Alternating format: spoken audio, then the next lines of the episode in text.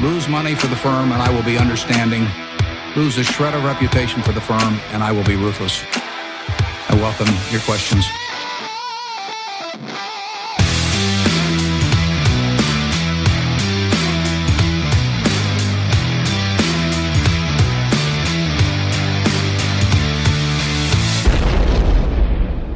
Hej och hjärtligt välkomna till Kvalitetsaktiepodden. Det är jag som är Ola.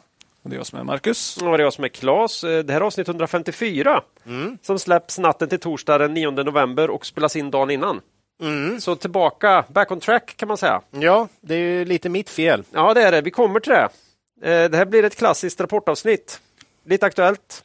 Alltså Mm. sex bolag som kommit in med sina Q3. Eh, för drygt två veckor sedan då, va? Ja, Då spelade vi in senast. Känns som det var i en annan tid. ja, jo. Börsen var negg och Ola var inte ens hälften så solbränd som han är nu. Nej, Och din nya kulör Ola avslöjar väl lite grann anledningen till att vi spelar in förra avsnittet lite i förväg då. Mm. Mm.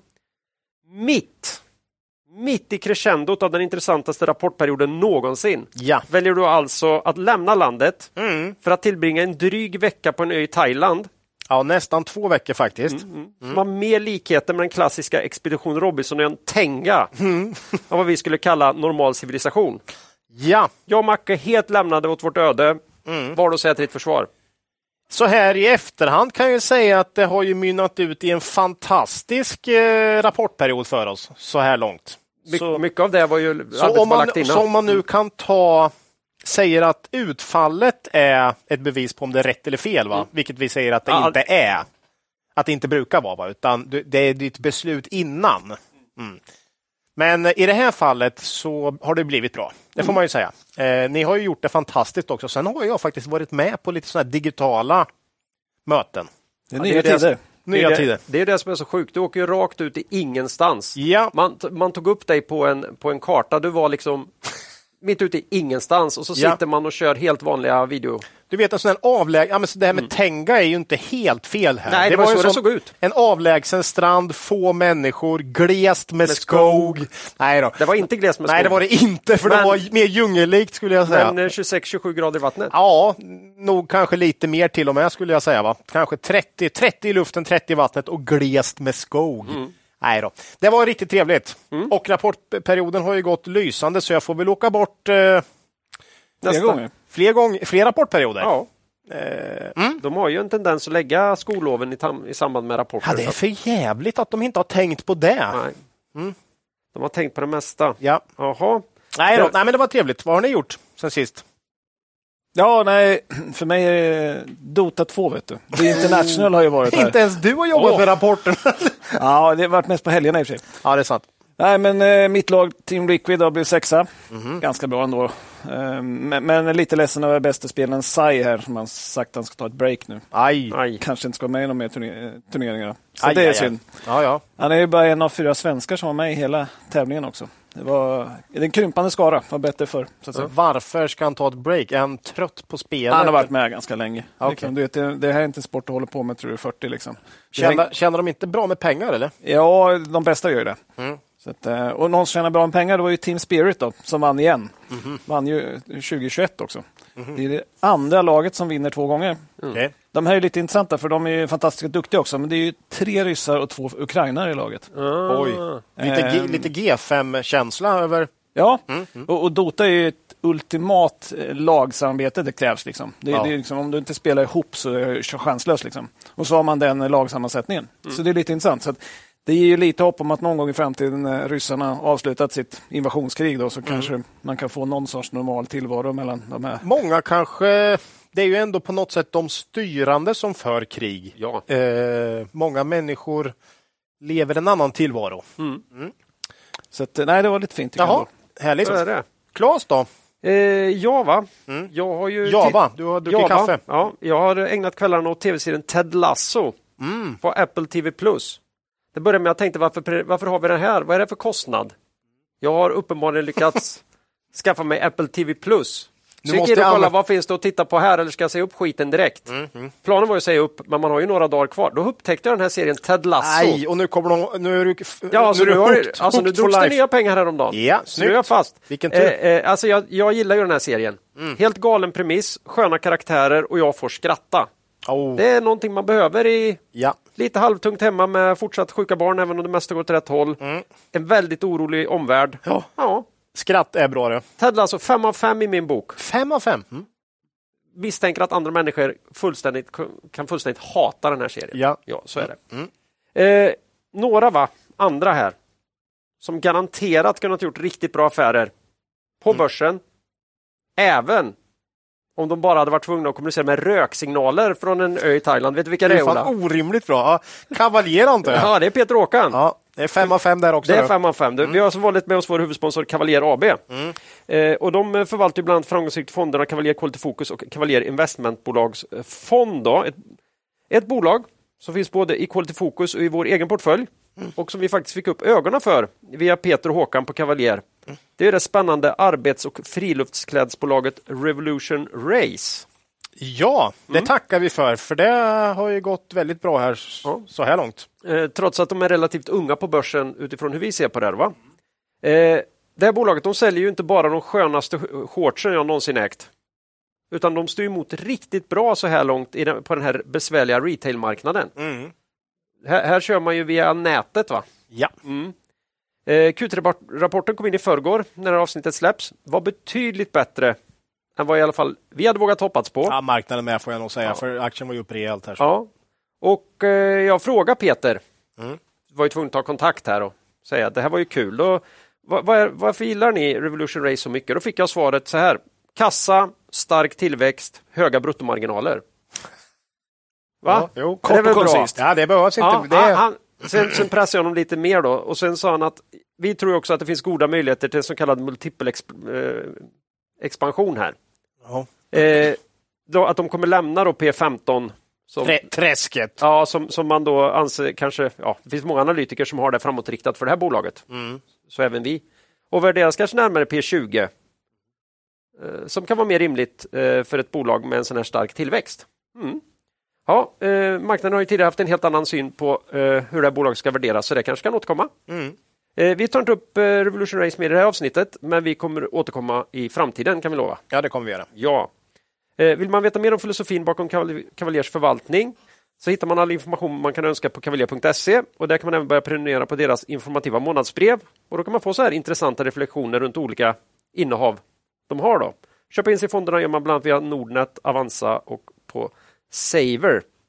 Eh, Och när vi pratar om fonder är det också viktigt att komma ihåg att historisk avkastning i fonder inte behöver vara en indikator på framtida avkastning och att ni kan förlora delar av ert satsade kapital då fonder både kan gå upp och ner i värde. Tack säger vi till vår huvudsponsor Cavalier AB. Eh, Vi har även sedan en tid ett samarbete med Modular Finance för att se hur vi kan dra nytta av deras fantastiska tjänst Holdings. Jag blir mer och mer kär i det här verktyget. Mm. Det är ju sådär, när man, när man får något sånt där gottigt så vet man inte riktigt var man ska sätta munnen först. Nej. Men efter ett tag så, Mm. så börjar man hitta hem.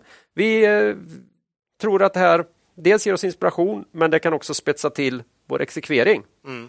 Eh, och det är ju viktigt att lyckas med den om man vill vara en professionell investerare, som vi gärna vill vara. Då. Eh, så tack säger vi till Modular Finance och deras tjänst Holdings. Innan vi går vidare i avsnittet vill vi påminna våra lyssnare om att aktieinvestering alltid innebär ett stort risktagande. Aktier kan både gå upp och ner i värde. Satsa därför aldrig kapital på aktier som du inte är beredd att förlora. Det vi säger på den ska aldrig betraktas som köp eller säljrekommendationer. Gör alltid en egen analys av bolagen innan eventuell handel. Nu du Macke, Så är det. nu du, nu kör vi. Nu kör vi. Aktuellt! Eh, nej, men precis. Jag kollar alltid upp utvecklingen sen senast. Då. När vi satt senast så var det väldigt negativt. Mm. Jag kommer ihåg det. Ja, det var ganska mycket. Var det inte typ 6 procent ner? Ja, mellan sex de eller på... sju någonting Ja, sånt. ja, Ja, nu är det tvärtom. Jaha. Nu är det upp 4,5 procent istället. Oj, titta, Ja. titta. Mm. Ja, det var ju väldigt negativ trend när vi satt här, men sen kom ju Fed med räntebesked där och ränt- långräntorna sjönk i USA. Och då blev det rally. Ja, jag, jag tänker ganska ofta, vad, vad skönt att man inte är indextrader. För, Ja. för där hade jag inte varit top notch alltså. Det, det, det tror jag inte. Men det är inte, det är inte lätt. Nej, det är inte rätt. Och sen, och sen uppbåda intresse för det där Ja, också. ja. Fy Nej, fan vad jobbigt. Nej, det, det får vara för andra. Ja, nej, så att vi hade ju 2,5 procent på en dag och sen har det fortsatt upp. Mm. Eh, Det som främst har gått upp är ju fastighetsaktier och sånt som gick ner mest innan. Skulle man säga. Mm. Eh, Känns lite FOMO-rally skulle jag säga. Fomoral, ja ja. Ja, men folk är lite Ja. rädda för att man missar tåget nu på det som har gått ner mest. Liksom. För, ja, för jag såg, för några veckor sedan var ju den här eh, Fear-index väldigt högt. Japp. Eh, extreme fear på vissa såg jag. Men då kanske det har svängt lite nu då. Ja, nu är det extreme fear att missa Ja, rallyt. ja, ja, ja. ja, människor är för härliga alltså. Ja. Då är det greed. Mm. Vi, vi får se. Det är ju liksom, ja, det, man får ju se. Är det liksom höjden på eh, höjningscykeln av räntorna här så, Mm. så, så kanske det ska upp i fortsättningen också. Ja. Det vet ju vi såklart ingenting om. Nej. Så. Eh, sen, sen har ju den här rapportperioden det varit väldigt kraftiga rapportreaktioner. Ja. Eh, egentligen särskilt på nedsidan eh, faktiskt. Eh, Mm. men, men med risk för att jinxa det här då, slutet på rapportsäsongen så har det ju som du sa varit väldigt bra för oss hittills. Så. ja, vi har haft, eh, många av våra bolag har ju överraskat marknaden positivt så att säga. ja, och oss också. Och oss också, ja. Precis. Skulle du säga att vi generellt sett säger när våra bolag när det har gått bra och många bolag har när det inte går bra? Lite som mina barn, andras ungar. Ja. Menar du? Ja, ja. Ja, framförallt när, när fotbollslandslaget vinner, då vinner ju vi. Ja, Eller så vi, förlorar de där stollarna. Liksom. Nej, nej, men där är nog jag. Vi har ju för fanken inget försvar. Nej, där är jag nog konsekvent måste jag nog säga ändå att det ja, det är är vi. Mm. Det är skönt. Ja, Det är kanske som fotbollstränare så kanske... Det är nog det. Jag- har nog fallit in i den fällan någon gång att eh, de där jävla tokstollarna, Ja, liksom, ja, ja. de är ju skitdåliga Ja, bakåt. nej, jag, vet- jag vet inte Claes Ja, faktiskt. jag Men jag ska, jag ska tänka på det framöver och komma med ett svar om något halvår eller år. Här. Ja. Mm. Nej, men topparna har ju varit Inwido, VBG, RVRC då, som vi pratade om, Mm. Revolution Race. Mellan 13 och 19 procent upp på rapporten. Ja, det är ju mycket på en rapport. Ja, det måste man ju säga. Men det är ju också... Ja, det är som vi sa väldigt speciella tider Mm. med en konjunktur som är svag och värderingar som många gånger har kommit ner och kan man känna att det kanske inte riktigt blir så illa som man hade befarat, ja då kan det bli. Vad är det? Lättnadsrallyn Ja. kanske eller något? Ja, en hel del sådana. Vi gick ju ner innan rapportperioden också. Ja, ja. Det hade ju en faktiskt. rejäl klump i halsen när man gick in i den här. ja den här, den här... eh, Ja, konstigt att, att, vi har, att det har gått så bra för Ja. oss faktiskt. Vi är lite överraskade att bolag efter bolag kommer in bättre än vad vi väntat oss. Ja, Men vi kan ju ha varit lite för försiktiga, verkar det som. Jo, Ändå. men det har vi nog faktiskt med tanke så här i efterhand. Men det är ju jäkligt lätt att vara så kallad backtrader. ja, det är inte svårt. Det, det är en fördel med podden. Vi, man kan alltid gå tillbaka Ja. och lyssna här för att se. Vi, vi kan ju inte backtrada på det vi säger. Det är ju, det är ju bra. Nej, det är svårt. Ja. Ja. Men Nej, men det inleddes ju med en dansk skalle också, så relativt Just det, det. så... eh, Och Johansen satte ju lite känslan med sin Ja. rejäla Ja, vinstvarning. för den såg vi inte komma. Nej. Och det är ju lätt att dra paralleller till Aligo till exempel och så här som ändå jobbar med förnödenheter till olika typer av branscher och så. Men det var ju, Aligo var ju långt. Det var ju, det var ju bra rapport i förhållande till AOJ i alla fall. Så, Absolut. så att eh, nej, vi, vi är väldigt nöjda så här långt. Ja. Men det är som i sport, vet du. Du är aldrig bättre än din senaste match. Ja, det är ju så va. Så att, Det är ju eh, så, men nu är det fanken inte många rapporter kvar här. Så att, eh, men, inte men om den sista blir... Ja, med, med tanke på fotboll, ja, nu kommer vi in på mycket här Ja, vid sidan, men, men just det här, eh, man leder med 5-1 Ja. och sen så är det två minuter, eller 5-0 och sen är det två minuter kvar och så gör de andra 5-1. Då känns det ändå lite, det är, det är någon klump, något besvikelse Ja. i, för du vet, då, sista målet och man får inte hålla nollan. Va? Du vet det här, man, Nej, man, Dåligt. det är lite så. Om, man, om sista rapporten blir svag när man har haft 15 Då veckor. är, då är det den man kommer ihåg sen. Ja, det är, ju- det, är, ju- det, Det är är så. det är ju så typiskt. Det är ju så man är. Va? Ja. Eh, nej, vi måste börja egentligen med förtydligande också från förra podden. Mm. Just när vi pratade om bröderna och Johansen. Eh, vi berättade ju då att vi sålde våra aktier eh, när informationen kom om vinstvarningen. Eh, men sen sa vi också att det blir rätt stora minus i några kvartal framöver. Eh, och det var ju lite olyckligt formulerat då. Ja. Vi menar ju inte att bolaget ska göra förlust då. Nej, Utan att man... jag tror inte någon trodde, eller var det någon som trodde det? Ja, jag tror att det var någon som trodde det. Jaha, okej. Eh, nej, men utan det är att man minskar ju vinsten från föregående år då. Ja. i några kvartal framöver. Vi är ju så vana att jämföra bolagens resultat med föregående kvartal Ja. och prata minus och plus i förhållande till det. Ja. Eh, Och så håller inte vi på med bolag som gör förluster. Nej, helst, helst inte. Så, så därför när vi säger minus så är Det det, då väl. mindre vinst. Så det säga. händer väl att vi har bolag som gör eh, enstaka minuskvartal eller att man har någon sån sek- säsongseffekt så det finns något riktigt jäkla Ja. svagt någonstans. Men anna- då annars brukar vi vara rätt tydliga med det.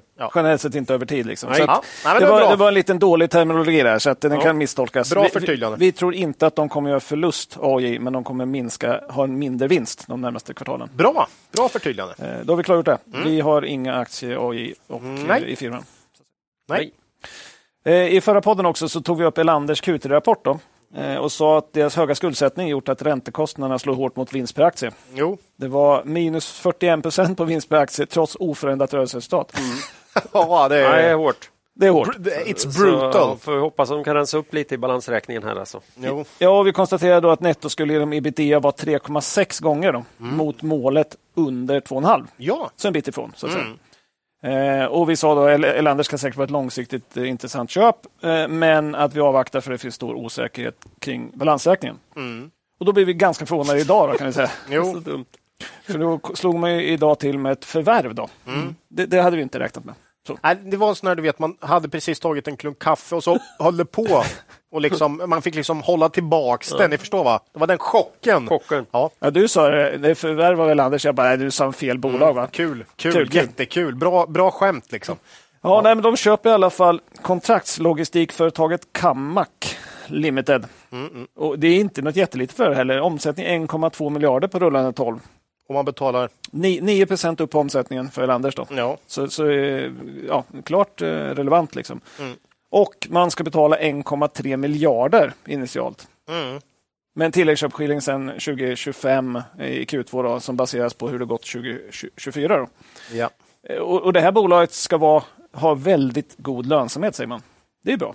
Man hoppas kanske, ja, jag vet inte, få in det här kassaflödet fort. Jag vet inte, svårt. Samtidigt är det bara 9% av bolaget. Så att, Och det, det de säger om företaget låter ju bra. Liksom. Högre lönsamhet, eh, växt 20% i snitt de senaste tre åren och så vidare. Ja. Men, men det här är ju på en redan ansträngd balansräkning Ja. som man nu ska ut med Ja. 1,3 miljarder. Mm.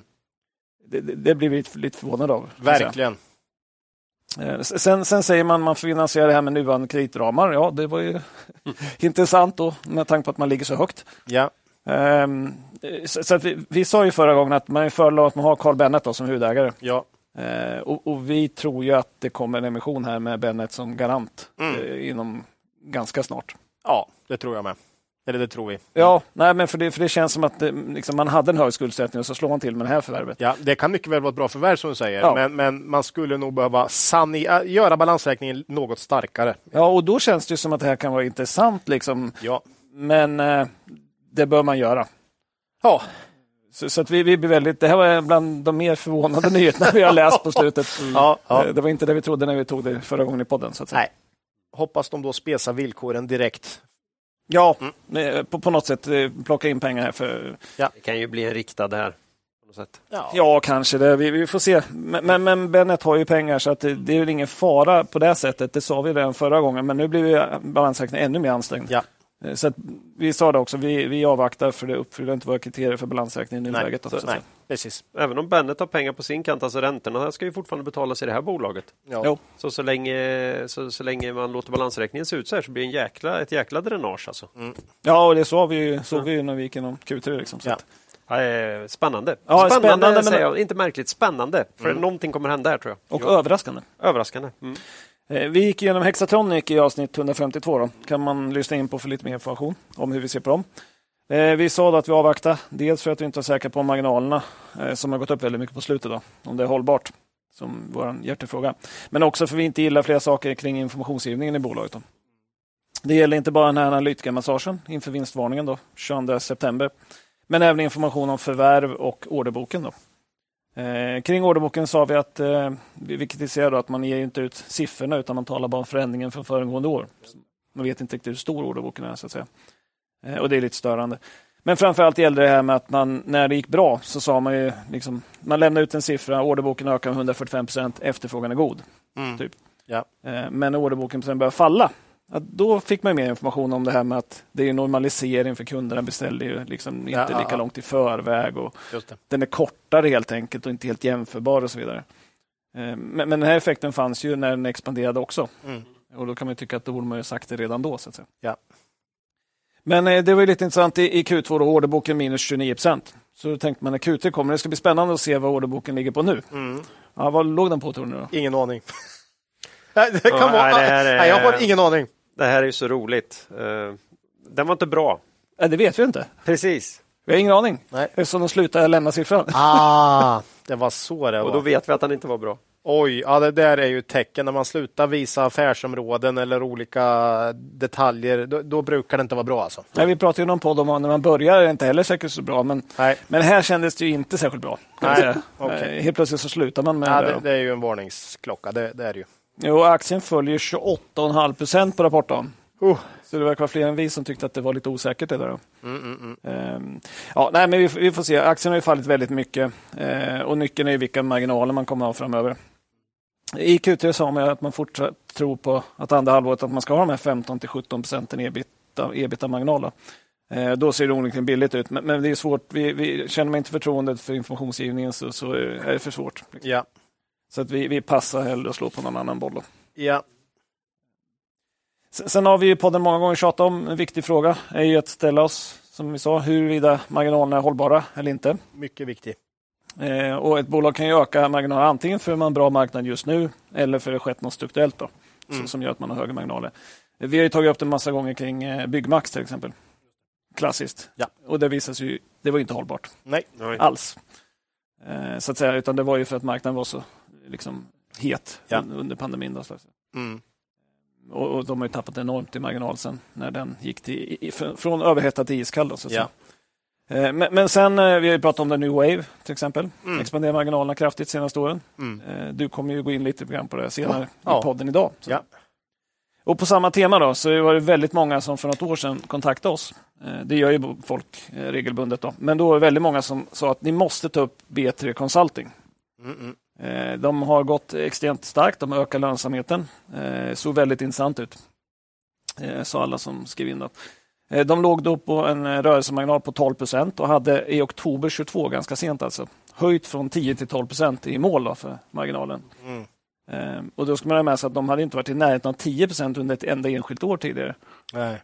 Men, men nu kom man upp till 12 och höjde direkt 10 till 12. Då. Ja. Eh, Och vi svarade de som mejlade in med en graf från Börsdata Mm. eh, med lite mer information. Men, men vi, vi, vi sa, är det här verkligen hållbart? Ja. Och om ni tycker att det är hållbart, eh, då är det väl ett bra köp då. Men om ni inte tycker det så kanske ni ska avvakta och kolla utvecklingen lite grann. Och man ska ju gärna ha en, en förklaring som man själv känner är, är tro, trovärd, trolig, trovärdig. Ja, för sig att, själv, där man känner att jo, men det här är verkligen något som ligger bakom det här lyftet och det är permanent. ja, just att det är något annat än att marknaden är Ja. god. Det, den är ju viktig att känna då. Något strukturellt på Mm, något sätt mm, som ja. gör att det här ser annorlunda ut. Inte bara att marknaden just nu är god. Liksom. Precis. Ehm, nej, men, och, och då, då sa vi att liksom, om, man, om man tror att det inte är hållbart så kan man eh, avvakta lite grann och se hur det blir. Mm. Eh, och det är lätt med aktier i efterhand. Vi brukar ju skoja om det. Ja, det är Om- alltid väldigt lätt. Ja. Om man kunde tjäna pengar på backtrading. Mm. Vi, tar ju inte upp allt det som har gått kanon som vi har sagt sådär om. utan Vi tar upp det här, det här exemplet. Ja. Ja. Nej, men, men, men det är lätt att vara efterklok. Men, men jag menar, marginalen i, i, i Q3 då, för B3 föll från 10,3 procent till 4,5. Och nu sänkte man målet igen till 10. Jaha. Så målet överlevde inte mer än ett år, Nej. det nya målet. Det är lätt att även i företag tror jag känna att man gör någonting själv som är överjävligt bra istället för att man har en gynnsam marknad. Det, är, det där är inte så vi lätt pratade alltså. otroligt mycket om det här i poddens barndom Mm, mm. och upprepade det som ett mantra just för att folk ska förstå att bolagen själva vet inte. Om man ska nej. sätta en procentsats på det, ett riktigt, riktigt bra bolag kanske kan gissa 25 procent av sin framtid någonstans. Mm. Riktigt bra. Mm. Bättre än så är det inte. Sen är det klart att har du ett momentum ur historiken så är det stor chans att det fortsätter om du inte är riktigt klantig. Mm. Men, men, men ska du verkligen... Du vet, de vet inte mer. Men i en bra marknad, det är klart du får en bra känsla och kanske, kanske omedvetet Ja. till och med känner att fanken vad vi gör det här bra. Mm. Och, och så tar man lite egen cred för en marknad som är väldigt gynnsam. Det, det där är nog oerhört vanligt tror jag. Och Ja, det, det, det är nog faktiskt så det är. Eh, så ja, Det, man, man, liksom, man ska inte klandra någon för mycket. Liksom, Nej, för, det för är- det är lätt att dras med i en bra marknad. Alltså. Eh, Ja, men det finns ju många i vår bransch ja. som, som har ridit på olika typer av eh, makroevents eh, när man bakar om pensionssystemet och så Mm. sitter en massa 25-åringar i, och tjänar vilka, precis vilka pengar som helst och tror på riktigt att de är duktiga på Nej, man att analysera bolag. Eh, Det är väl för att hur blir det med självkänslan annars? Man kan, skulle väl inte kunna göra det? Om Nej. man gick omkring och, och förstod hur lite man egentligen fattar in the long ja. term. Sen, jag tror det finns en effekt också att bolag som ligger över sina mål, då kommer liksom alla säga, men vad är målen då? Ja. Jaha, så har ni lägre mål än nu? Ja, liksom, det blir ju konstigt. Ja. Och Och då vill de en gärna trigga upp målen. Liksom. Ja, det är också en fara om, om, man, om man gör så. Ja, mm. Men, men jag tror det är ganska vanligt och ja lätt det är nog hänt. ganska Liksom. vanligt. Man, man, vill liksom, man vill ha ett mål att sträcka sig efter. Ja, ja. In, inte ha ett mål som ligger under där man är just nu. Liksom. Nej, och, men om man är någon typ av verksamhet som ändå är lite beroende av en konjunktur Mm. så ska man nog vara försiktig och höja dem i högkonjunktur. Utan då får man på något sätt se det som en över en cykel ska vi ha. Ja. Liksom. Eh, Och, och det blir ju lärdomen av det här såklart. Ja, ja. Men lärdomen är också, det har jag säkert alla hört som lyssnar på nu, vi är ju sunt skeptiska till, till liksom, Ja. liksom när marginaler är något helt annat än de varit tidigare. Ja, För det brukar inte hålla. Om det Nej. inte finns en jättebra anledning till Ja. varför det ska göra just det här fallet. precis. Eh, Och, och det här blir ju lite tillbaka då till Hexatronic igen. Då. Mm. De höjde sina mål från 12 till 15 till 17 när det gick så bra Mm. i februari 2023. Ja, Det är en enorm höjning. ja. Jag, jag tror ju inte kanske att det här kommer att överleva det här målet, men vi får se. Det Ja. vet ju vi såklart ingenting om, men det finns ju risk att det också målet höjdes när det gick fruktansvärt bra. Att det, ja. om det går lite sämre, att de kommer behöva justera ner det igen. Då, så. Mm, mm, vi, vi får se kommande rapporter. Men, Ja. men var sunt skeptisk där ute till, till, Ja. till mål, Ja. eh, tycker vi. Ja, ja, vi, eh, det vi har pratat om förr när vi har tagit upp det, det är ju också det här att ett bolag har ju rätt, vissa, alltså man använder mål på olika sätt ju. Vissa har ju det som något vi verkligen siktar emot på lång sikt. Mm, mm. Så man ska ju verkligen läsa vad säger bolaget, vad är det här för typ av mål? Ja. För vissa är rätt tydliga med det här ska vi klara till 2024. Mm. Eller det här är nu. Vi tror Ja, att det här är... ja. Men nu Men sen finns det de säger, ja, men det här är ett mål vi sätter upp. Mm. Vi vet inte riktigt hur vi ska nå dit än, men vi tycker att vi också borde kunna ha 8 procent. Mm, mm. Vi har alltid haft 5. Ja. Då, och det är okej då ju. Mm, mm, För då vill man ju liksom förklara i, på något Ja. sätt, ha det som, så, så mål kan vara många olika saker. Mm. Men här är ju rätt tydligt då att man tycker att ah, det här är nog något vi kan göra nu. Fan 12, då kan vi inte ha 10. Nej. Då, då får vi sätta. Men mål kan vara olika saker också, Nej, så man, så man verkligen läser vad, vad menar bolaget med sitt mål. Och, Liksom. och det är ju svårt också. Just de här som då inte ändrar målet, Nibe till exempel, som Ja. har legat jättelångt över. Ja. Ja, tror de då att de ska direkt tillbaka till målet? Eller, eller liksom, är det bara att de vill vara konsekventa över tid och inte vill skruva upp det? Eller så säger de så att att de, det kan också bara vara att vi är nöjda med det. Vi förväntar oss inte över tid att ha mer än det. Nej, precis. Men då är frågan också för, för en själv, hur snabbt kommer man komma tillbaka till det? Och ska man räkna med det när man har legat över så länge? Liksom? Jättesvårt. Lite roligt med... eh, Nej, men där var, tycker jag Byggmax var väldigt ärliga. När de sa då ska vi ha den, Ja, våra för då- mål till För 2025. de låg ju kvar med sina mål där, Ja. fast de låg klart över. Ja, men liksom, jaha, men då, då sa ju vi i den här podden, ja, men då kommer ju inte vinsten öka alltså på tre år. Nej. Om ni ska... Nej, Ja, och nu är vi snart där. ja, nu är vi, så att, så att på något sätt, då är det ju väldigt ärligt på något sätt Mm. Ja. då istället. Ja, Eh, nej, ja, och då hade man väl eh, rimligtvis gjort eh, tanken att Ja. det här är nog lite väl eh, högt just nu. Det var ju återköpen då som kanske inte Ja, det var ju det som- tajmade med det riktigt. Det kan man hålla med om. Det tajmar ju inte med hur de tänkte det, då. Nej, nej. Då skulle de ju ha väntat. Ja, okej. Ja, jag tänkte avsluta med en kort kommentar om ett annat konsultbolag. Då. Eh, Det är Prevas. kom en helt okej Q3-rapport. Om man ser till förutsättningarna. Omsättningen plus 10% rörelseresultatet minus 8 då. Det är en ganska tuff konsultmarknad just nu. Ja, Ökad, verkligen. ökad konkurrens om uppdragen, sva- svagare efterfrågan hos kunderna. Så. Vi har varit inne på det lite grann förut. Då. Eh, Men det jag tänkte ta upp var att man i just den här rapporten då, eh, i, i Bullets då, påminner om att det var en färre arbetsdag i Q3 23 mot Q3 22. Då. Ja. Eh, och då anger man att det påverkade ebita-resultatet negativt med 5 miljoner. Det, det är rätt väsentligt. Mm. Men hela ebita-resultatet var 31. Mm. Eh, 16 procent av det då, på en dag. ja. Eh, så det är ju liksom, och det är väl Det är ju relevant. det är relevant, men det är väl också det här med att lönsamheten blir på marginalen. Om man har månadslön och så Ja. får man en extra dag så blir nästan all den intjäningen Ja, rinner ner till sista raden. Så att säga. exakt. Så det är en relevant påpekande. Mm. Eh, för det är en väsentlig summa. Ehm, Så, så det är bra att de tar med det. Eh, I vd-ordet också säger man så här att beaktar vi årets, eh, att årets kvartal är en arbetsdag kortare, 65 jämfört med 66, så ökade ebitda-resultatet. Mm. Nej, det stämmer ju däremot inte. Så, så kan man inte säga. Nej. Man kan ju möjligtvis säga att snittintjäningen per dag var Ja. högre eller något Ja, liknande. ja. Men man har inte ökat resultatet bara Nej. för man har en mindre dag. så att säga. Nej. Så det var inte riktigt rätt. Sen måste man ju konsekvent också Mm. liksom inf- informera när det går åt båda håll. Så jag gick tillbaka till Q1 då. För då var det ju 64 arbetsdagar mot 63 året innan. Ja. Eh, Och då fanns ju en information i nyckeltalstabellen när man är långt in i ja, rapporten. det fanns i alla fall. Men, ja, men det fanns inte i Bullets Nej, och det nej. fanns inte i vd-ord. Nej, och inte hur mycket det var i Och inte pengar. hur mycket det var. Nej. Men de glömde att vara borta då.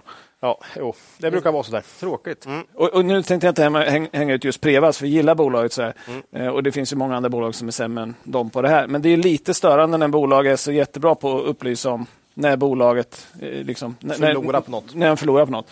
Typ exempel i valuta. Ja, valuta är ju extremt mycket så tycker jag. Ja, för så fort den går mot dem, då står det med fet text hur Ja. Mm, mycket det gick mot dem. Och när det går åt rätt håll, då, då har bolaget gjort det så fantastiskt bra just det här kvartalet. det, det, Ja, det, ja. börjar bita de här åtgärderna som ledningen har vidtagit. Liksom. Ja, mm. jo, Ehm. nej det är inte... Var uppmärksamma och var kritiska. Ja, och, det, och det är väl grundsynen. Ja. Eh, och sen, så är Privat inte sämst. Eh, nej. och de har säkert nu ökat transparensen så att i fortsättningen kommer de alltid upplysa även om de har fler Ja. eh, arbetsdagar Ja. i ett visst. Eller? Eller, ja. Ja, det är det. ja, nu, bara för att du sa det här nu Macke, så kan du lova att varenda... Mm, Mm. Vi får se om det blir så. Halva rapporten kommer- kommer diskutera exakt. Vi är ju för transparens. Det är jättebra att de berättar hur mycket det är, men Ja. då får man säga det också när det går åt andra Ja. hållet. Så att säga. Bra, Det var sista. härligt. Det var det. Det var det. Ja, tackar vi för. Ja, vi har ju idag också med oss vår äldsta samarbetspartner Börsdata. Värdeinvesterarnas bästa vän. Ja, eh, George och hans kollegor, det här pratade vi om redan i förra avsnittet. Eh, de utvecklar ju oförtrutet vidare på den här plattformen och eh, på senaste tiden har de lagt riktigt stort fokus på, på det här med estimatfunktionen i börsdata. Mm. Och för att snabbt få en överblick över hela den här utökade estimatfunktionen, rekom eh, estimatfunktionen rekommenderar vi introduktionsfilmen som de har gjort och som vi länkar till avsnittsbeskrivningen. Mm. Vi tror ju, som vi har sagt, väldigt mycket på den här typen av estimeringsövningar i bolagen, då man också har liksom historiken med sig redan i, som är, som är så tydlig indata till vad kan man förvänta sig framåt. Framförallt tror vi på just övningen att lägga estimat och göra egna estimat är fruktansvärt viktigt. För då får man tänka efter förväg och så kan man Ja. se hur det blev och vad hade man då fel på. Om man inte gör estimaten själv så, så får man aldrig den känslan. Liksom. Den feedbacken är. Nej. Eh, Så ta en titt på den här filmen eh, och kom igång om ni inte redan har gjort det. Och är man inte ens medlem hos Börsdata än så får man nog se till att bli det nu tycker jag. Ja, Alla medlemsnivåer, priser och själva tjänsten hittar man på borsdata.se. Tack säger vi till Börsdata. Bolag då? mm. Det Ska, vi prata, ska vi prata bolag också? Ja, ska faktiskt inleda här med Betsson. Eh, det här tror jag är spel om pengar i Turkiet. Var med senast eh, i avsnitt 148. Ja, Bland annat. Du är så iro... Du, du, eller Eh, cynisk. Är jag cynisk här nu igen? Ja, Men, men du är inte helt fel, nej, Nej. Tror vi. tror vi. Eller, Ja, nej, men de, var, de var med i 148 då, det var efter Q2-rapporten. Det här är ett av bolagen vi brukar följa upp ganska ofta då, eh, av känd anledning. Eh, Det var en stark rapport redan Q2, men marknaden gillade inte den för det var fel delar som växte. Så att säga. Eh, Vi sa att vi hade köpt mer aktier på rapportreaktionen som vi inte tyckte var så rimlig. Nej. Och att vi tyckte Betsson på kurs 122 såg ganska lågt värderat ut. Mm. Var så fallet även efter Q3 då, kan man fråga sig. Jo, nej, men då kan man först konstatera att marknaden månaden innan rapporten hade handlat ner om 20 procent.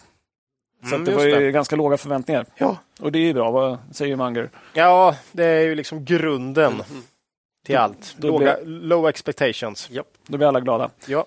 Eh, men på rapporten så steg aktien bara 3 procent. Mm. Det tyckte vi var snålt, så då köpte vi mer aktier. Jag kommer återkomma till det sen. Ja. Eh, omsättningen var ju då eh, 19 procent upp, 238 miljoner euro. Eh, och det var ett ganska tufft jämförelsekvartal, så det var inte så, så, så lätt att slå. Nej. Eh, så. Sen organiskt 39 procent upp. Ja. Här ser man att valutan slår ju ganska hårt mot Betsson. Då. ja. Eh, De redovisar i euro. Då. Vi kommer ta upp lite fler bolag som gör det. Och liran då mot euron. Vad Då tror är ni- det inte den italienska liran du pratar om? Nej, nej, nej, jag tänkte den turkiska. Ja. Vad tror ni den har gått på ett år? Hur mycket har den tappat? Den har Ja. tappat 50 procent. Mot euron. Ja, Ja. det är ingen dålig gissning. 63. Fan. Mm. Det är ju som, det är ju för fan eh, värre än kronan. Är det möjligt? Ja, det är möjligt. Nej, det är väldigt mycket. Eh, Och det ser vi väl lite grann här eh, i, i rapporten. så att säga. Ja. I Q2 då så gillar ju inte marknaden att det var SECA. Det är det här Central, Östeuropa och Centralasien Som gick bäst. eh, som gick bäst ihop med business to business. Då. Eh, det växte 68 procent respektive 107 procent. Och det utgår ju marknaden och vi till stor del består av Turkiet. Då. Även om transparensen skulle vara bättre här, som vi har pratat om ganska många gånger. Ja. Och Nej, det, jag utgår från att man inte är transparent här för att man inte vill att, att konkurrenterna ska få reda på vad man har här. För att, att marknaden skulle kunna bli mer upprörd över att få reda på hur det är, det är ju helt orimligt. Ja, så där kan man bara det. vinna på. Mm. Så, så nu måste det bara vara någon slags Ja, konkurrenstänk. För annars är det bara ja, eller myndigheter eller något. ja, något sånt. Ja, nej, men det är ju inte de delarna som marknaden vill se växa mest. Då. Men i Q3 då, så växte SECA med 23 procent och B2B med 24. Men, och Latinamerika då, som bara växte 12,5 i Q2 växte 33,2. Bra. Så det var klart bättre. Ehm, det var sekventiellt eh, lite upp bara från Q2, men det var klart bättre mot förra året. Då. Och sen Västeuropa plus 57 procent. Mm. Det är ju stor del det här belgiska operatören BetFirst då, Ja. som konsolideras in från 6 juli. Det är väl sådana... Det är ju bra intäkter tycker marknaden tror jag. Ja. Mm. Så det var mycket bättre geografisk balans i den här rapporten. Ja. Eh, Så och intäkterna var på all time high igen då. Eh, Och sjunde kvartalet i rad med sekventiell tillväxt. Så vi, vi tycker det här var mycket bra. Ja. Eh, Sen var omsättningen i linje med vad vi hade gissat på, men när vi kom ner till resultatet då, så var det positivt överraskning igen. Då. ja, de har lyckats slå våra förväntningar många kvartal i rad nu alltså. Ja, det är starkt. Alltså, rörelseresultat 56 miljoner euro, marginal 23,6. Mm. Det är det högsta man haft i Q3 sedan 2018. Ja. Och ännu mer imponerad av att sportvårdsmarginalen var ju bara 7,3 procent. Klart under förra årets 8,3. Ja. Eh, Det här är något som, som flera bolag pratar om. Vi tog upp de här med Entain och 888 eh, som hade sagt att det var låga sportsportmarginaler i kvartalet. Då. Mm. Eh, och det, det bekräftade Betsson också. Då. Ja. Eh, det, det är också tydligt att eh, det, det är ju inte bara favoritseger som är dåligt. Det är ju tydligen också när man gör massa mål. Sådana matcher som jag gillar i fotboll. ja, precis. Eh, För folk spelar inte 0-0 Nej. om man ska se matchen. Eh, 0-0 och kryss. Ja. Eller 1-1 kryss. Det, det är bra tror jag. Ja, nej, jag har hört att 0-0 ska ju vara det bästa för operatörerna. Då, Ja, så att säga. Eh, För det är, ingen, det är ingen som vill se matchen och hoppas att alla missar hela tiden. Nej, nej. Nej, dödstråkigt ju. Men eh, som Pontus sa, det har varit roliga matcher men inte så bra för operatörerna. Men det där brukar ju jämna ut sig över tid va? jo, men det gör ju det. Så det där är ju inget man ska hänga upp sig på i, i det långa caset så att säga. Nej, men det är bra förklaringsgrad ofta. Ja. Eh, Så att, och I det här fallet som sagt var, var, var den låg, men resultatet var ändå högt. Mm. Eh, Sen kan man konstatera att man hade också någonting som kallas övrig rörelsekostnad på minus 3,2 miljoner. Ja, just det. För främst orealiserade kursdifferenser hänförliga till interna förhållanden. Tänkte att du skulle reda ut det, Claes. Ja. Vad det är för någonting. Vad är det egentligen Claes? Jag har eh, faktiskt skrivit en liten avhandling här, men, men då är det fyra timmars podd och det, Jaha, där okej. går gränsen Alltså, till och lämna- oss. Ja, till och ja. med för oss. Nej, då får vi lämna det. Ja, Ja. lämna det. Nej, det är inte helt lätt att förstå kan man säga. Men, men det var spesat som engångs... Ja, det, det, det stod som övrig, eh, övrig kostnad. Okej. Det, men det var noll förra året. Så Ja. det var lite därför jag tog upp det. För att det tynger resultatet nu i, i jämfört till med, ja, jämfört med förra året. ja, det är sant. Eh, och är det liksom interna mellanhavanden så är det någon sorts redovisningsteknisk sak Mm. så, som, som inte är helt lätt att förstå. Så att underliggande var det lite bättre då eh, än, än, än man var först ut. Eh, men sen ska man också ha med sig att det var lägre marknadsföringskostnader i det här kvartalet. 7 miljoner euro lägre i år än, än förra motsvarande period förra året. Då. Jag kommer att tänka på, var det inte Leo Vegas som hade en sån episk fest Jo, där jo, när, jo, var, jo. när allting var på topp? Det kanske är en sån. De har bara hittat ett bättre...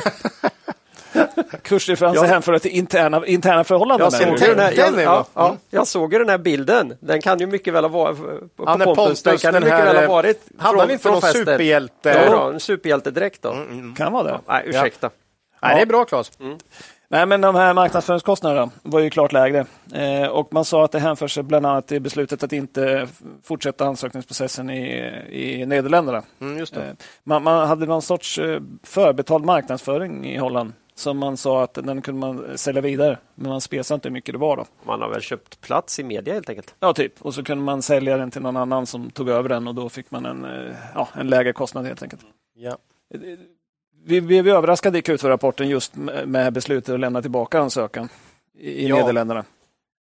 Betsson har ju verkligen inte gjort det folk förväntar sig. Eh, Så kan vi säga, utan de har mer hit, hittills har det ändå varit så att de har väl utgått från rent ekonomiska eh, nej men det, de, har, de har utgått från det ekonomiska och fattat ett beslut på grund av det. Ja. Punkt slut, inget mer. Kommer det kosta mer pengar än vad vi tjänar i USA under kommande år? Nej, vi väntar. Eh, är UK en bra marknad, lönsam marknad? Nej, vi lämnar UK. Alltså, men men det, många tar ju det som, va? Det är ju liksom, det är ju bettingens land. Ja, håller på. Fotbollens Men mm, så, att, bästa så att de, fotbollen. de har väl inte, de känns inte som Pontus gör någonting för att man ska, Nej. utan nej, Nej, här finns det fan inga heliga kor alltså. nej, utan eh, de utvärderar nog och gör det de tror är bäst. Och, och det som var lite överraskande var ju att man hade ju ganska stark varumärkeskännedom i, i Nederländerna. Ja, Och att lämna tillbaka ansökan var ju lite konstigt. Eh, Kan orsaken kanske vara att man tänkte börja ta emot holländska kunder som hittat till .com-adressen, lite likt Norge-lösningen? vem vet? Vem vet? Vem vet Ja, men det är ju inte Betssons fel. Att de hittar dit? Att de de hittar råkar, dit. ska de stänga ner sin internationella sajt nu också? ja. Men jag tänkte, då får man ingen eh, licens. Nej, det är väl så. Nej, jag vet inte, det vet ju inte vi och de skulle inte bekräfta att det var så, men det är ett tänkbart skäl till att man lämnar tillbaka ansökan. Ja. Så att säga. Och det är väl också någon sorts rationellt skäl i att eh, hur tjänar man mest pengar? Mm. Sen har man ju en sån här trading update som alla spelbolagen har Ja. fram till 20 oktober. Omsättning plus 12 procent Mm. mot den genomsnittliga intäkten då under hela Q4 förra året. Eh, och då ska man ha med sig att det var ju VM under Q4 förra året. ja, det är starkt. Eh, så det tycker vi var starkt. Och sportmarginalen var svag, va? Vem? Ja, det var, det var, de sa att den var betydligt lägre än genomsnittet de senaste åtta kvartalen. Så då är det ju riktigt starkt och ändå öka faktiskt. Ja, 12 procent upp och sen organiskt var det 37 procent upp. Ja, ja. Valutan igen där då. herregud. Så vi tycker mot den bakgrunden att det ser bra ut inför Q4. Mm. Eh, Sen en fråga som kommer påverka Betsson eh, på, på sista raden är ju den nya skattelagstiftningen i EU, den här pelare 2. Mm. Så härliga namn de här liksom. EU-lagstiftning. Eh, ska ju träda kraft 1 januari 2024. Innebär 15 procent skatt för bolag med omsättning på minst 750 miljoner euro. Mm. Och det har ju Betsson numera. Ja, Jag ställde en fråga på konfkålet om det här. Och då bekräftar de att de kommer träffas eh, och att det kommer öka skatten som tidigare varit 7 då. mm. Men de sa också att det är lite oklart eh, hur mycket det kommer påverka då det pågår saker som kan påverka det. Sa de.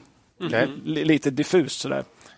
Eh, vi har ju tidigare spekulerat att man kanske kan spinna av en del av bolaget och så Man delar ut 30 procent av bolaget, Ja. så kommer man under då. båda bolagen kommer under. Liksom. Mm. Och Betsson har ju spunnit av Net Entertainment, Cherry, Anglo Gaming och så vidare. Så Ja, ja. de vet ju hur man gör. Så att säga. Ja. Och lite på ditt tema också med, med vinstmaximering. Vinstmaximering och allt för aktieägarna. Ja, Det, det har ju Betsson verkligen varit. så det blir väldigt spännande att se om det dyker upp något sånt framöver. Här. På rullande 12 då, vinst per aktie 1,26 euro, det är ungefär 14,80. Eh, Aktiekurs 109 kronor, P 7,4. Jag, jag ska bara kommentera där. Jag är uppenbarligen lite seg idag här. Alltså, vi har ju ingenting emot den här skatten. Det är väldigt viktigt att förstå. Nej. Det är fullt rimligt att den här typen av digitala bolag som har stor inverkan i, i de länderna där de är, finns blir beskattade på något sätt.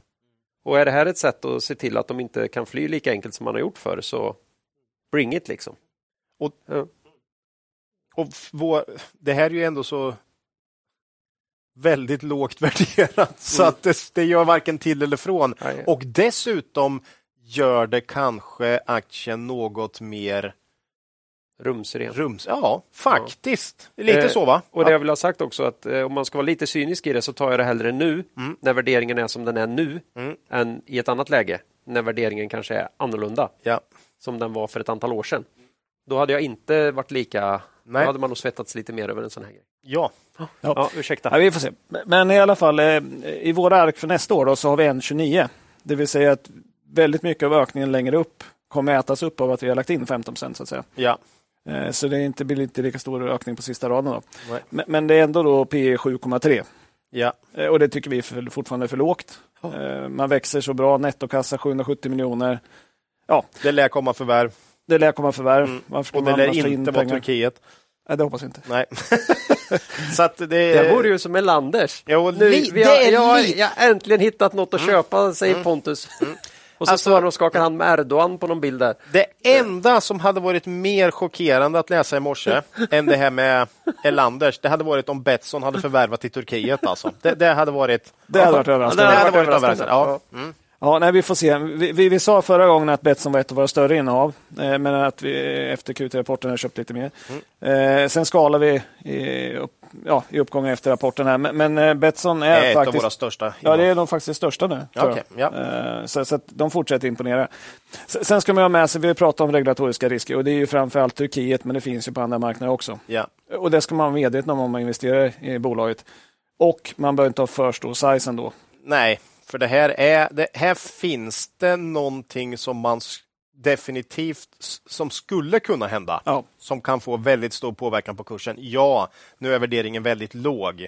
Så den tar ju höjd för en del av sådana här oförutsedda saker såklart. Men det skulle ju ändå påverka mycket. Att, Ett, totalt stopp i Turkiet av någon anledning Ja. skulle ju ändå vara Ja. väldigt dåligt. Definitivt. Så att, så att man kan inte ha för stor size i en, ett enskilt bolag. Men Betsson har ju över tid lyckats absorbera oerhört mycket skit. Ja. Alltså, Nor- vi har ju, hur många grejer? Så, Holland, Norge, Turkiet, Kommer ihåg Sverige? Sverige. Alltså, kolla på börsdata. Hur, hur liksom lyckas de absorbera all skit och ändå har de graferna? Så att jag menar, det här är ju ett, ett bolag med en väldigt fin historik och som säkert som di- diversifierar sig på nya olika geografiska marknader ständigt. Så att det kommer säkert fortsätta gå bra, men det finns scenarion som kan göra det här till inte så bra. Ja. Och, så det måste man ha med sig här. Och när vi säger att det är vår största så är det fortfarande under 10 procent. Ja, Det ska man ha med sig. Liksom. Ja. Ligg inte med det här med halva portföljen. Liksom. Nej, Nej det även om det, även det något. ser billigt ut. Det Liksom. ska man inte göra med något. Nej, sagt. men särskilt ja. inte bolag som, som det finns i alla fall ett outside-scenario där, där det finns någonting riktigt dåligt som kan hända. Det jobbiga är dock att det finns bolag där du inte kan komma på ett jobbigt scenario där det helt plötsligt inträffar något som blir ett sånt här. Ja. scenario. Så att det, ja, det, kan, det kan hända i nästan alla bolag. Ja. Betsson är bara väldigt tydligt att du kan komma på ett dåligt scenario. Ja, nej, men regulatoriska risker. Läs det Ja. av, avsnittet i Q3-rapporten och pratar rätt mycket om olika marknader och, Ja. och risker som finns. Men, men ha, ha, ha det i bakhuvudet. Över tid har de lyckats parera de här grejerna väldigt bra. Ja, vi tyckte, och vi tyckte den här rapporten var stark. Ja, jättebra. Mm. Så det var Bettan. Direktavkastningen där med. Ja, den är ju hög. Den är hög och blir högre desto mer kurs. För, för där brukar du få en bra kudde i Betsson också. Så det. Och förvärv är ju positivt såklart. När det kommer. Och det borde komma för, Ja. Tror vi, snart. Eller hitta något. Bettan. Det var Bettan. Mm. Eh, B då, Bravida va? Mm. Jag tog upp Bravida första gången i, i avsnitt 152. Mm. Det var ju typ nyss va? Ja. Eh, så den som vill ha en mer djuplodande intro, introduktion då eh, kan ju missat den här episka genomgången jag hade då. Det var, ju, det var ju väldigt många som har efterfrågat det. Ska vi säga Ja. också. Ja. Får leta upp avsnittet. Eh, för idag tänkte jag bara lite snabbt kommentera på Q3-rapporten som släpptes den 25 oktober. Tiden går fort när man har roligt. Mm. Eh, jag sa senast att det här var en mycket spännande rapport och eh, vi hoppades få mer svar på hur Bravida tacklar den vacklande konjunkturen.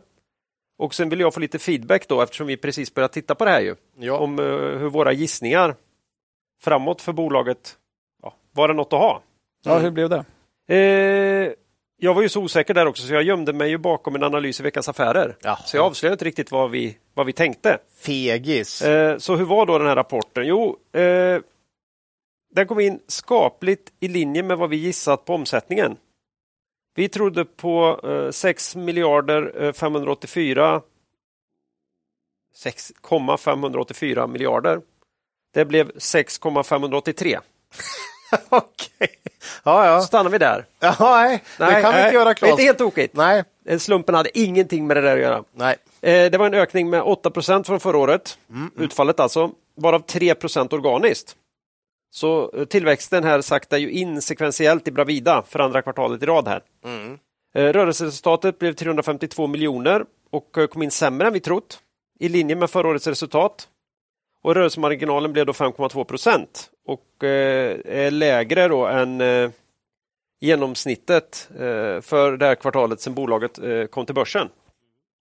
Orderingången upp 11 procent mot förra året. Jaha. Så det här liksom, Oj. det är den här, det är mycket konstigt tycker jag den här perioden. eh, men de, det här är ju ett eh, förvärvsbolag så att det är klart att förvärven bidrar även här då. Eh, och det som oroar i Bravida och som var tydligt både i vd-ordet och i konfkålet som finns lättillgängligt på börsdata och i Quarter-appen är att det finns en press i rörelsemarginalen de kommande två, tre kvartalen, minst. Och det här kommer från ökade kostnader för insatsvaror. Jag gissar att det också kommer lite från löner, men det säger inte bolaget så mycket om. Det kan ju vara så ändå. Det tror jag nog att det är så ändå. Eh, det är mycket folk som jobbar här. Eh, de har fått ta nedskrivningar i installationsprojekt. Marknaden är stentuff, säger de, i Finland och Danmark. Det var Och- väldigt mycket ner på marginalen i Finland Ja. och Danmark också. Ja, Danmark också, men särskilt Finland. Men i Danmark har det gått så långt så att de aktivt undviker offentliga projekt där de måste acceptera danska standardavtal. Oj. Va- vad är det du brukar säga om Danmark? Ja, de anses, det är alltså danska statens standardavtal. Oj. Och Bravida ser dem som djupt oskäliga och problematiska. Oj. Oj. Eh, och problemet är att det danska systemet för hantering av kontraktstvister, det är sånt här man inte har behövt tänka på på ett tag. Ja. Men nu när det börjar kärva Ja, ja. eh, så, eh, så är de riggade något vidrigt, nu, det var mitt ord, var till ord. Mm. den offentliga partens fördel och kan fördröja betalningar på uppenbart skäliga fakturer i många år. Så man kan liksom låna. Man, det här är ett sätt för, eh, för institutionella aktörer att låna kan man säga av leverantörerna mer eller mindre. Ja. Eh, för man får väl inte några vidare skadestånd där heller då uppenbarligen. Då. Eh, och här konstaterar man att den här delen, ni vet vad jag brukar säga om danskarna, funkar ju jättebra i övriga länder. För det är klart man kan hamna i tvister när man håller på med den här typen av verksamhet. Då. Eh, Finlandsproblemet, mycket svag konjunktur i landet. Ja. Eh, och eh, fortsatt inflation, eh, totalstopp av installation i nybyggda bostäder i hela Norden i stort sett. Mm. Och det utgör normalt 7-8 procent av eh, omsättningen i Bravida. Ja. Så även om det är lite så blir det ju ändå kännbart när Ja. en hel, en hel eh, ja, marknad bara försvinner kan man säga. Eh, jag tolkar ju vd och ekonomichefen här eh, som att eh, servicedelen här kommer klara marginalerna bättre men att installation kommer vara tufft. Minst fram till Q3 2024. Ja. Eh, och sen då så är det en tvetydighet där i kommunikationen, eh, i, eh, i kommunikationen från bolaget runt omsättningstillväxten. Man, de växer fortsatt, men man är beredd att offra tillväxt för att värna marginalen. Det gör man ju till exempel i Danmark. Där man sa att, eh, till och med sa att ja, vi minskar omsättningen i Danmark, men det var bra, för det ville vi ju. Ja. För att vi vill inte ha de projekten. Liksom. Så, så då är väl frågan, kommer inte också omsättningstillväxten blir tuff några kvartal framåt? Men det är inte alls säkert att det räcker för att bevara marginalen här. Eh, och bolaget här då har ett historiskt fokus på kassaflöde och så kallad kassagenerering. Där man då har sedan tidigare det vansinniga, för mig vansinniga målet 100% kassagenerering. Och Det innebär att du ständigt måste få betalt i förväg av nya kunder eller nya order innan du behöver leverera på dem. Upplever jag. Eller så har jag tappat bort vad det nyckeltalet betyder. Men det är inte många bolag som klarar av att ha 100 kassagenerering i alla fall. Över tid är svårt. Ja. Eh, och, mm. Så det fokuserar man mycket på. Eh, och här citerar jag då eh, VD Mattias Johansson här i VD-ordet. Kassaflödet och kassagenereringen försämrades i kvartalet. Vår till, eh, tillväxt binder kapital i ökade kundfordringar och därutöver har flera större projekt där vi tidigare fått förskottsbetalningar arbetat upp sina förskott och gått in i senare skeden samtidigt som ny, eh, få nya stora projekt med förskott har startats upp. Även projektnedskrivningar har haft en negativ påverkan på kassaflödet. Slutcitat. Eh, ja. Eh, problemen i Danmark tar man upp här också. Kunderna är sena med betalningar och bråkar om fakturer, mest för att kunna skjuta upp betalningen. Ja. Det är så Bravida ser det i alla fall. Eh, men det här är ju lite... Det lite är lite intressant för de måste göra det av en anledning. Ja. Och den är väl att det är tufft Det är på tufft. marknaden. Så att säga. Det är lite kul att det här kommer då från ett bolag som är vana att låna av sina kunder istället. Från Ja, banken. Eh, så, Ja. Men nu är kunderna mindre nöjda än vanligt med den ordningen kan man säga. Ja. Så right back at you på något sätt. Eh, balansräkningen Bravida är fortsatt stark. Jag Mm. ser inte att den skulle vara något som helst problem framåt. Eh, och eh, bolaget borde ha relativt lätt att förhandla bra räntor med banken. Har- har ett gott renommé, historisk lönsamhet. Och eh, det är så gått så långt nu så att eh, VD hävdar att man får affärer baserat bara på att man är en trygg mod, motpart i den här skakiga branschen. Jaha, ja. Mm. Eh, kunderna vet att Bravida är ingen risk med i alla fall, så Nej, då är det de- bättre att vi tar dem även om de är lite dyrare. ja. Eh, kom, konstaterar han i konfkålet. Ja, hur tänker vi nu om Bravida? Jag har stärkt av min lyckade gissning här av utfallet i Q3, så vågar vi oss på en gissning framåt här också för helåret 2023. Det är ju inte mycket kvar, eller hur? Nej, men visst, det kan vara nog så svårt. ja, kan vara. Ja. Vi tror att det kommer att tjäna 6 och 10 per aktie Mm. Eh, och, eh, i år och kanske kan de försvara den nivån även nästa år. Då handlas bolaget runt P12 just nu. Mm. Här har man haft en lite skakig värderingshistorik sedan börsintroduktionen eh, 2015. Eh, snittet så här långt är någonstans P17-18. Det har ju varit en väldigt fin historik alltså, Ja. sen dess. ja. Väldigt jämn lönsamhet. Ja, väldigt bra lönsamhet. Eh, samtidigt har du ju inte haft riktigt den här tuffa marknaden då, då. Så att det är väl det marknaden, eller eller börsen är lite osäker på nu, skulle jag säga. Jag tänker att de börjar i alla fall ha P15 med Ja. sina trygga serviceintäkter och sitt starka varumärke i Ja, det är botten. nog inte fel. Eh, finns lite mos här. Mm. Gör det ju då, men det gör det också i så himla mycket annat. som vi kan lite bättre än det här just nu. Mm. Eh, är man lite långsiktig här och litar på bolagets mål. Man har 6, 5 årlig tillväxt och 7% marginal. Misstänker att man kan hålla skuldsättningen på nuvarande nivå även med, med lite fortsatta förvärv här. Då är det ju rea nu. Mm. Direktavkastningen kommer nog bli en bit över 4% kan man gissa. Vi har kvar en bevakningspost. Och eh, ja, jag har Bravida-aktier i mitt pensionsspar. Vi får se hur vi gör framåt i bolaget. Eh, kan vara någonting med den här tryggheten som de här kunderna ändå ser i Bravida som kanske kan locka oss också här på sikt. Mm. Vi vet ju inte riktigt hur länge den här stökiga lågkonjunkturen ska hålla i sig. Nej, jag tycker det är lite av nyckeln. alltså, är det här liksom... Kommer det fortsätta 2024, 2025? Alltså, kommer det vara svagt på bostadsmarknaden under många år? Alltså, det är väldigt svårt att veta. Och, och, och man har ju klarat sig väldigt bra på att industrin har fortsatt att Ja. och, och köpa och ha Mm. projekt där. Om den börjar skaka då? Men tänk om det är så att det börjar ändå lossna lite i, i slutet på nästa år. Ja, men då... då är det, alltså, det, Det det, kanske redan fram i Q3 här som bolaget tror själva tror jag. tidsperspektivet är Ja. ju svårt här. Ja. Väldigt svårt att veta, men nog, nog är det en tuff marknad nu eh, som någon gång kommer vända. Och sen ligger börsen 69 månader Ja, förväg ofta. Dessutom. Mm. Så att det är jättesvårt med timing. Mycket svårt. Det här är ett riktigt fint kvalitetsbolag i alla fall. Det är Kan, kanske tvekan. kan vara ett sätt att få in det i någon form av buy and Mm. hold-portfölj. Vi får se. Ja. Ja, det Ja. var Bravida. Intressant. Svart ju naturligtvis mycket längre än vad jag hade tänkt. Mm. Eh, så är det ibland. Vi hoppar vidare till Inwido då. Eh, Vad är det? För Jag det, har vi aldrig pratat om. Jag tänkte göra en fin sån här övergång här. Eh, det här är ju bolaget som bland annat gör elitfönster. Gör elit, alltså riktigt bra fönster. Nej, just det. Men de, är insatsen i övrigt elit för närvarande. Macke, senast som jag har och sett då menar du 148. fönsterinsats. Nej, det, Ja, är, fönsterinsatsen. det är så briljant Ja, här. ja. Macke, Eh, förlåt. ja. Nu, nu, nu, nu skämtar vi bort hela... Hela Inwido. Hela övergången. Nej, men de var med efter Q2, precis som du sa. Eh, Ja. Då sa vi att aktien vid 117 kronor var lågt värderad, trots att den har gått upp lite sedan rapporten. Eh, Vi ägde aktier. Eh, vi sa då att vi trodde på vinstminskningar, alltså inte förluster, kommande Bra, kvartal. bra. Nu kommer du alltid, från och med nu kommer du alltid säga Ja, nej, men frågan var vad marknaden prisar in i kursen då. Ja. Eh, och vad, hur såg det ut efter Q3? Och då kan man säga att det här var en rapport som marknaden verkligen gillar. Kursen 14,3% plus på rapporten. Eh, då ska man ju för med sig att Leet Betsson hade fallit kraftigt innan rapporten, så den stod i 95 kronor då. Så att den är ungefär nu tillbaka på Det det var här off. vad vi pratade om den Ja, förra gången. ja. faktiskt.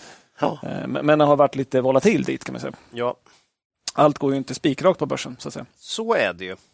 Vilket ju i och för sig gillar. Mm. Eh, omsättningen då, 2,3 miljarder, minus 2% från förra året. Eh, 7% bättre än vad vi hade gissat på faktiskt. Eh, sen kommer det förvärvet av City Group in här. Eh, organiskt var det minus 12 då. Eh, för det var ungefär 10% som vi sa när de gjorde det förut. Då.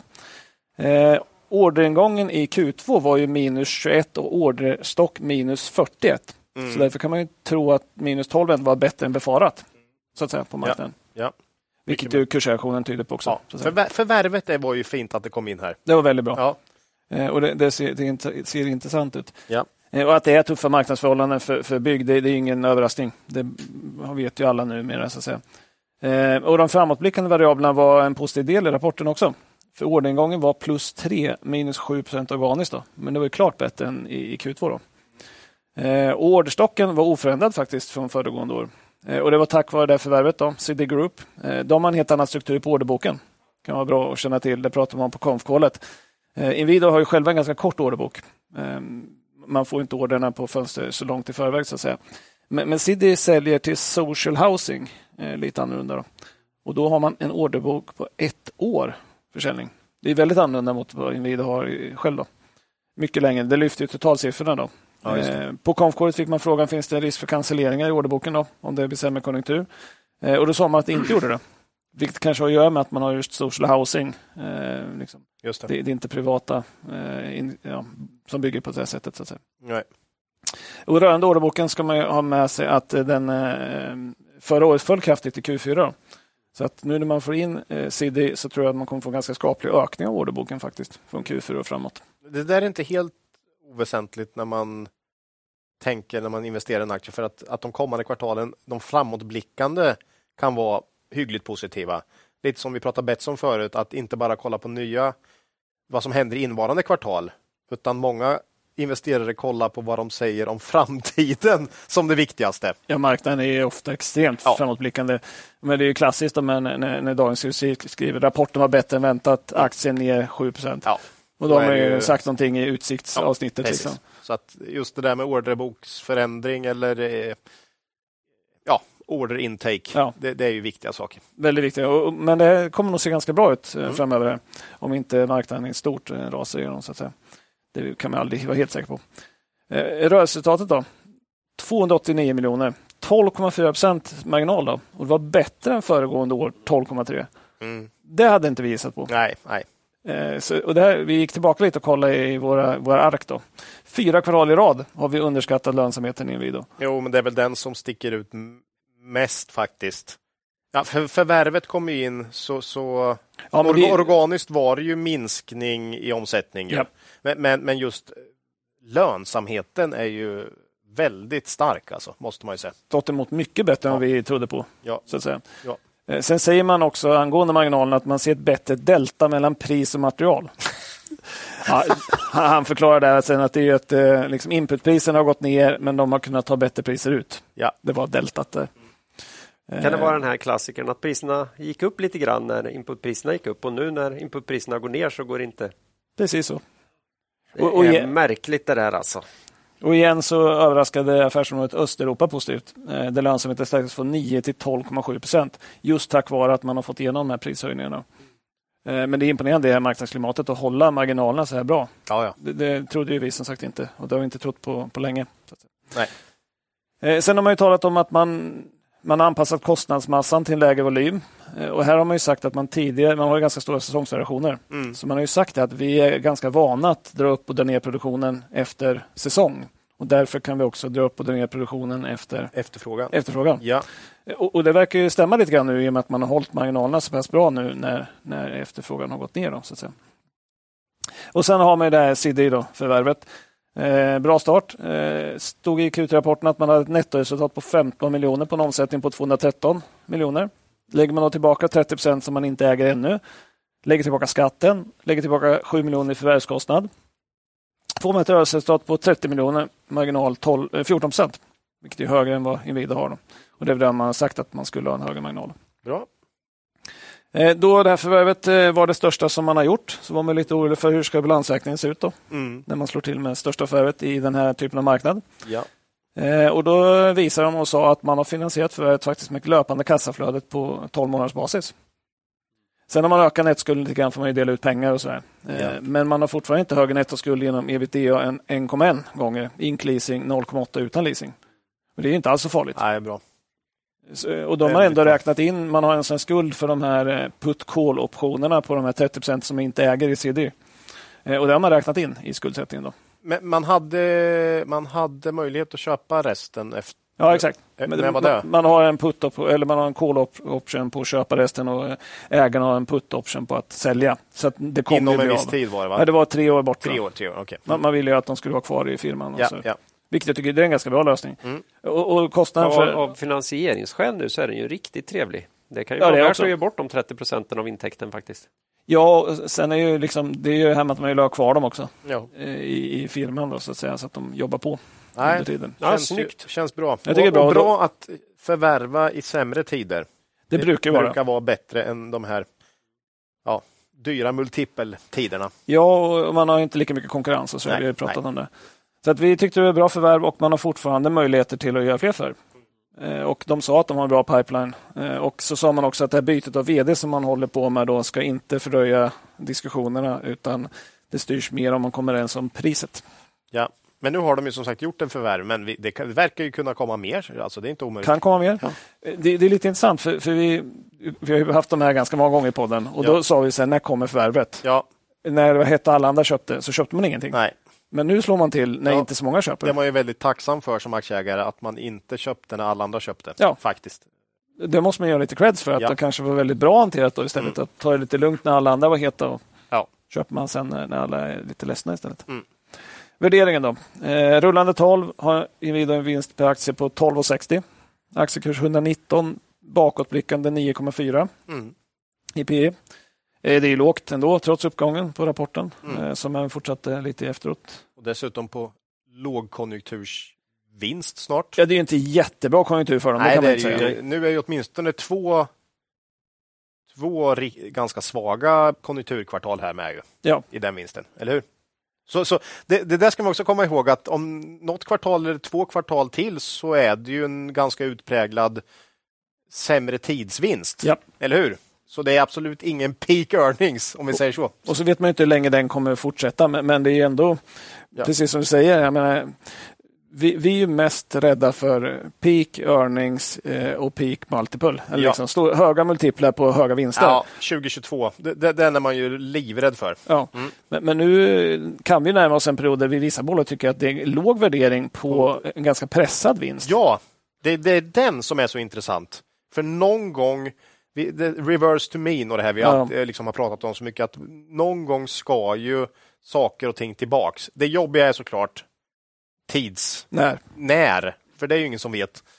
I alla fall inte vi. Nej. och någon får gärna säga till om de vet. Då, då kan de höra av sig till Då kan podden. de höra av sig till podden. Eh, kontakta Men, men eh, nej, det ska ju tillbaks. Så, så att eh, det gillar man ju, att köpa låg, på låg multipel på en vinst som är pressad av en svag marknad. Det, då är det, ju, det är ju det bästa. Och i bästa scenario så vänder marknaden upp, vinsten ökar och marknaden tycker att det här var lite mer spännande Ja. och så ökar multipeln också.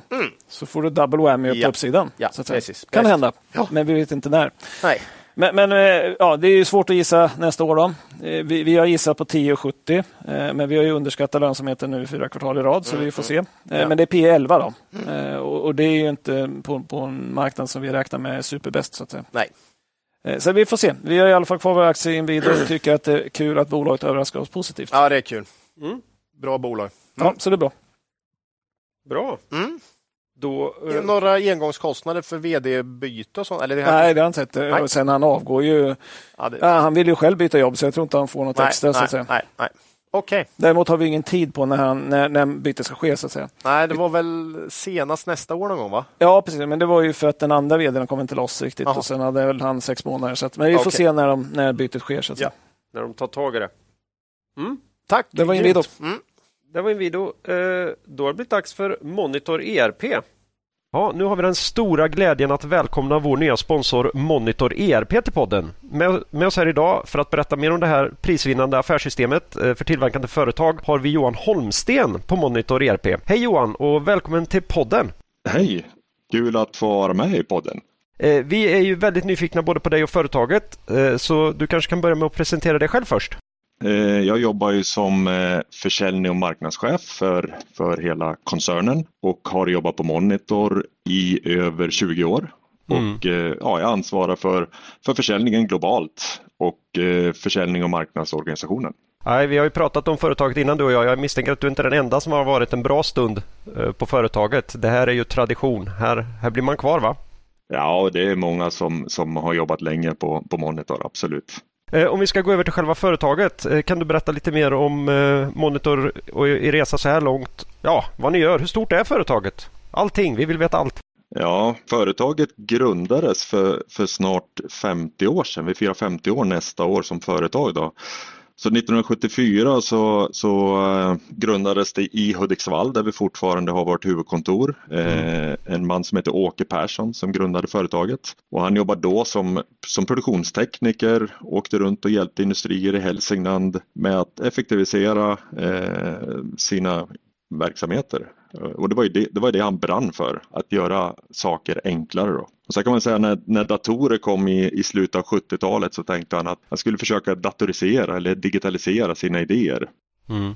Eh, några år senare, eh, början på 80-talet, då, då, släpptes första versionen av, av Monitor. Och då var det ju fokus på, uh, på tid, kalkyler, eh, att kunna bygga upp en styckooperationslista för en produkt som man tillverkar, att kunna räkna ut produktionskostnader och så vidare. Så att hela embryot kommer ju från, från produktionen kan man säga. Och det är det här ni har fortsatt med då? Och vara förfinat och förfinat?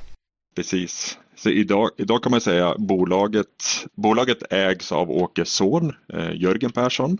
Eh, vi är knappt 500 anställda i koncernen. Vi har eh, tio kontor i, i tio länder. Mm. Och vi har eh, över 5000 kunder idag som använder vårt system. Och, och, alla företag som använder vårt system är ju inom tillverkning. Nej, det, har, det har utvecklats lite då sen, eh, sen Åke startade här kan man säga. Ja, ja absolut, det har det gjort. Vi, vi har växt ja, relativt snabbt kan man säga. Mm. Ja, eh, vad tror du det är som gjort eh, Monitor ERP så framgångsrikt i ert segment? Jag skulle säga att det är att vi har hållit oss till våran affärsidé under alla år. Att tillhandahålla ett, ett standardsystem för tillverkande företag. Mm. Alltså vi är ju rätt nischade mot eh, en bransch, alltså tillverkningsindustrin är man så smal eller nischad så, så, är det ju lättare att ha en, en standard, ett standardsystem som ska så att säga passa alla. Och, och det är oavsett om man är liksom massproducent, om man eh, massproducerar eh, detaljer till bilindustrin eller om man är enstyckstillverkare och tillverkar ett fåtal maskiner per år så, så, så passar vårat, eh, vårat system för, för alla. Ja, men det, det, är väl, det är väl liksom den stora eh, anledningen skulle jag säga att vi, att vi håller oss till, till det vi kan och det är tillverkning. Det här har ju blivit viktigare och viktigare förstår jag, det här att det är ett eh, standardiserat system. Ja, vi, vi ser ju framförallt i, i västvärlden då, där man kanske har haft affärssystem i 20 år och mm. kanske inne på sitt andra, tredje system. Att, att man vill, har man haft ett mer skräddarsytt system så, så kan man vara lite bränd på det. Man har mm. anpassat sönder det och sett att det, det går inte att uppgradera eh, och, och, vill köra ett, ett standardsystem istället. Men man ska komma ihåg att våra kunders kärnverksamhet det är ju, det är ju tillverkning. De vill inte mm. lägga tid på att eh, bygga ett eget eller utveckla ett eget affärssystem att, att mm. anpassa utan de, de vill ha fokus på, på tillverkning och leverera produkter. Mm. Och då ser vi att vårt koncept eh, passar in riktigt bra.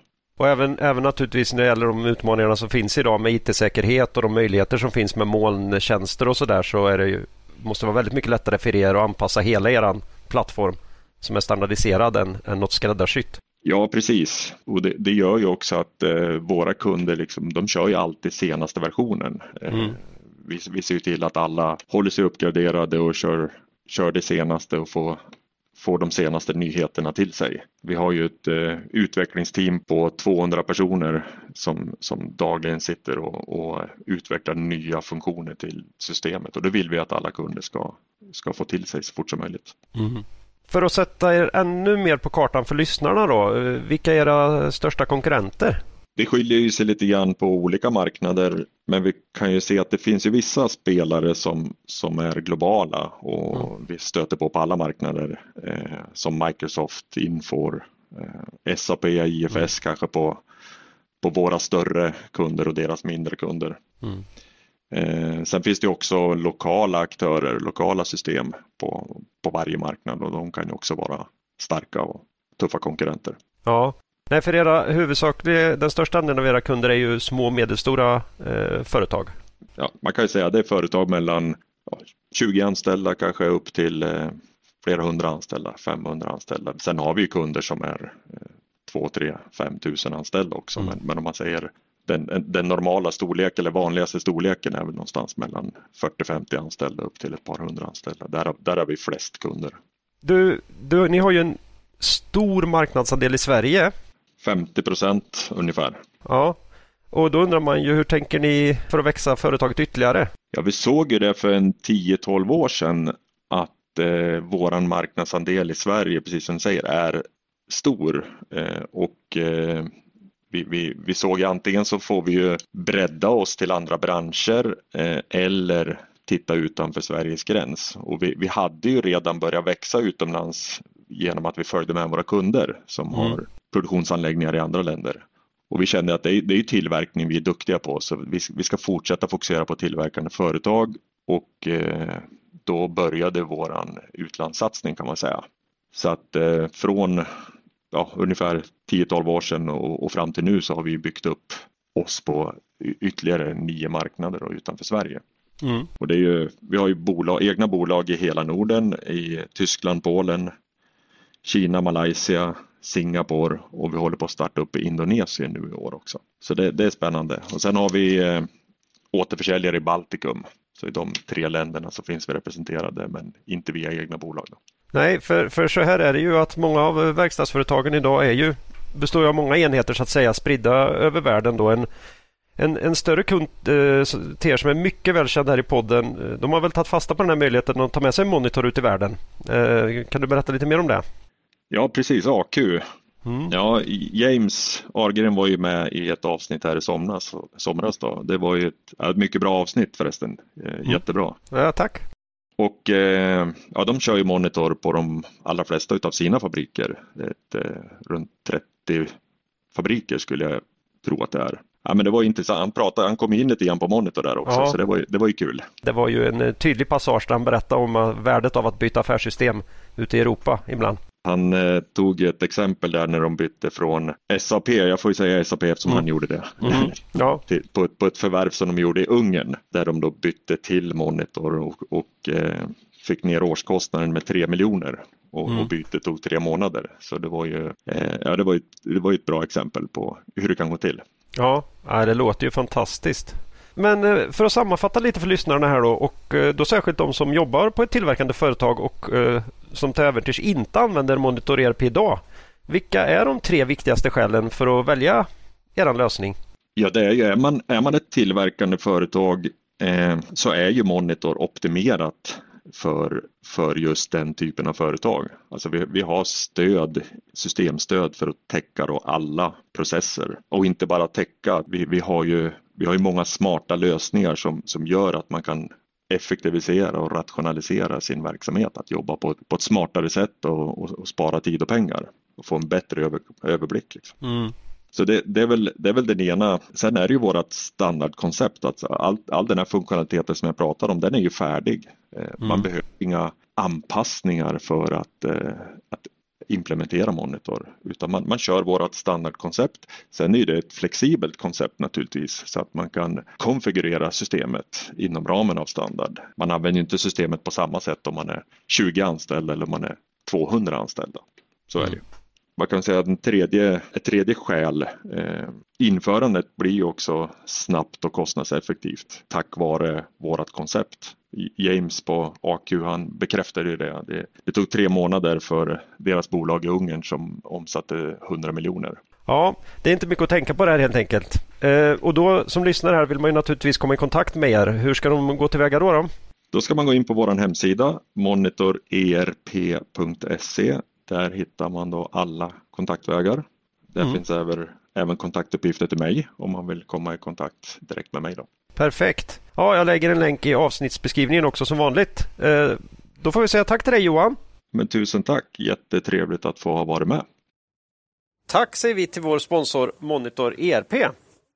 Kitron. Ja. Ja, Och då tänkte jag det är ju dags att eh, dra en sån här ordvits för att värma upp för eh, bilsegmentet som kommer senare då. Okej. Och hur ser man att en kontraktstillverkare är från Norge? Nej, ingen aning. nej. Eh, Folk har investerat många lax. nej, nej, nej, det går ju inte. Nej, den är- nej, boo, Nej, den, kli, boo. den klipper du Den klipper vi. Ja. Nej, klipper du kommer inte hända. Mm. Eh, Senast med avsnitt 137, så eh, det var ett tag sedan. Det var ett tag sedan. Ja, mars eh, 2023. Ja. Då hade man släppt en Q4-rapport. då. Ja. Eh, och då sa vi vid kurs 34 norska, eh, P17 så var det lite för dyrt för oss. Trots en fundamentalt stark utveckling. Eh, vi sa att vi hoppas på en allmän nedgång för att komma in i aktien. Och så tog vi upp dem lite kort under Aktuellt efter Q1. Då hade aktien upp 60 procent i år. Handlades i 44. Ola sa, enda frågan var, kan det bli bättre nu? men ja, sen, sen gick den upp lite grann, men sen har den fallit. då. Och det är det som är lite intressant. då. Den, efter Q3-rapporten handlas den nu i 29 norska. 38 procent ner från all time high. Det är ju många sådana kontraktstillverkare som har gått ner Ja. på slutet. Mm. Så är det lite mer läge just nu då, kan man undra. Spännande. Och när vi pratade om Kitron då, senast så sa vi att man hade bytt redovisningsvaluta till euro också. För man sa att det bättre speglade nuvarande verksamheten. Vi var ju lite sura för att det strulade till våra jämförelsetal. Ja, Betsson gjorde det här någon gång. Eh, Fenix bytte från SEK till euro.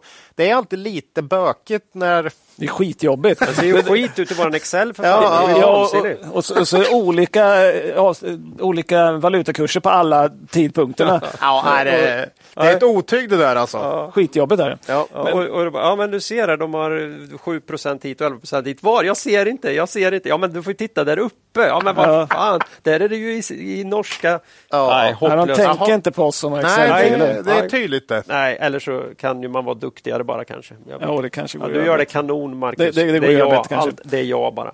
Ja, nej, men, eh, sen är det en grej till också. Det är, ett- de har bytt till euro då. Eh, och norska kronan har ju gått, precis som svenska, väldigt svagt mot euron. Och det här får ju faktiskt effekt på redovisningen nu när man har bytt till euro. Ja. Tittar vi på omsättningen i Q3 var den 179 miljoner euro. Det är 8,3 procent upp då.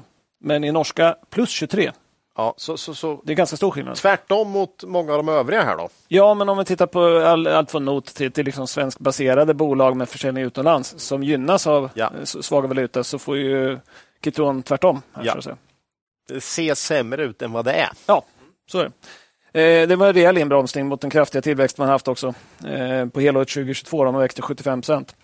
Eh, dock kan man det här förvärvet av BB Electronics som vi pratade om när vi, prat, som vi talade om när vi hade upp de sista. Just det.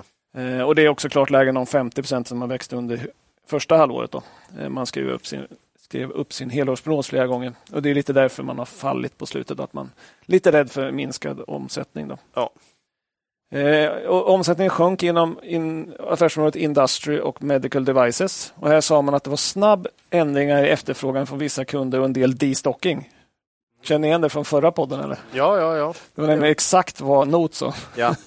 Jo, men det verkar vara temat för, för kontraktstillverkarna nu. Ja, nej, så det var exakt samma sak. Ja. Eh, däremot så sa Kitron att man såg fortsatt stark tillväxt inom försvars och elektrifieringssegmenten. Då. Det kan man ju förstå, ja. Det är lite intressant med just att de har ganska mycket i försvar där. De är ju sprungna ut den här, ur den här Kongsberg. Kongsbergsgruppen, va? Jo, så man har ju en, ja, en, en historik där så att Ja. säga.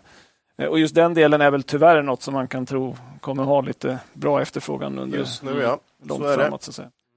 Och där är väl också det här med elektrifiering är ju, det kommer ju fortsätta. Det är ju en jättestark trend. Ja, det det. Någon som lyssnar på den här podden kan ju tro att vi inte tror på den. Det vi inte tror på är att någon ska kunna tjäna skitmycket pengar på elbilsladdare. Ja. Men att elektrifieringen är här och att det är en stark trend, det är... Och det är ju så, det- mycket, det är så mycket mer än elbilsladdare. Och här får jag ju erkänna, jag har ju i denna podd för inte allt för många år sedan skrattat lite grann åt när de skulle göra riktigt stora tunga lastbilar på el.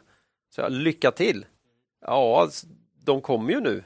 Och det finns väldigt mycket transporter som inte är så där vansinnigt långväga. Men fortfarande kräver jättestora lastbilar och då funkar ju elen alldeles utmärkt uppenbarligen. Så tjena, nu kör vi!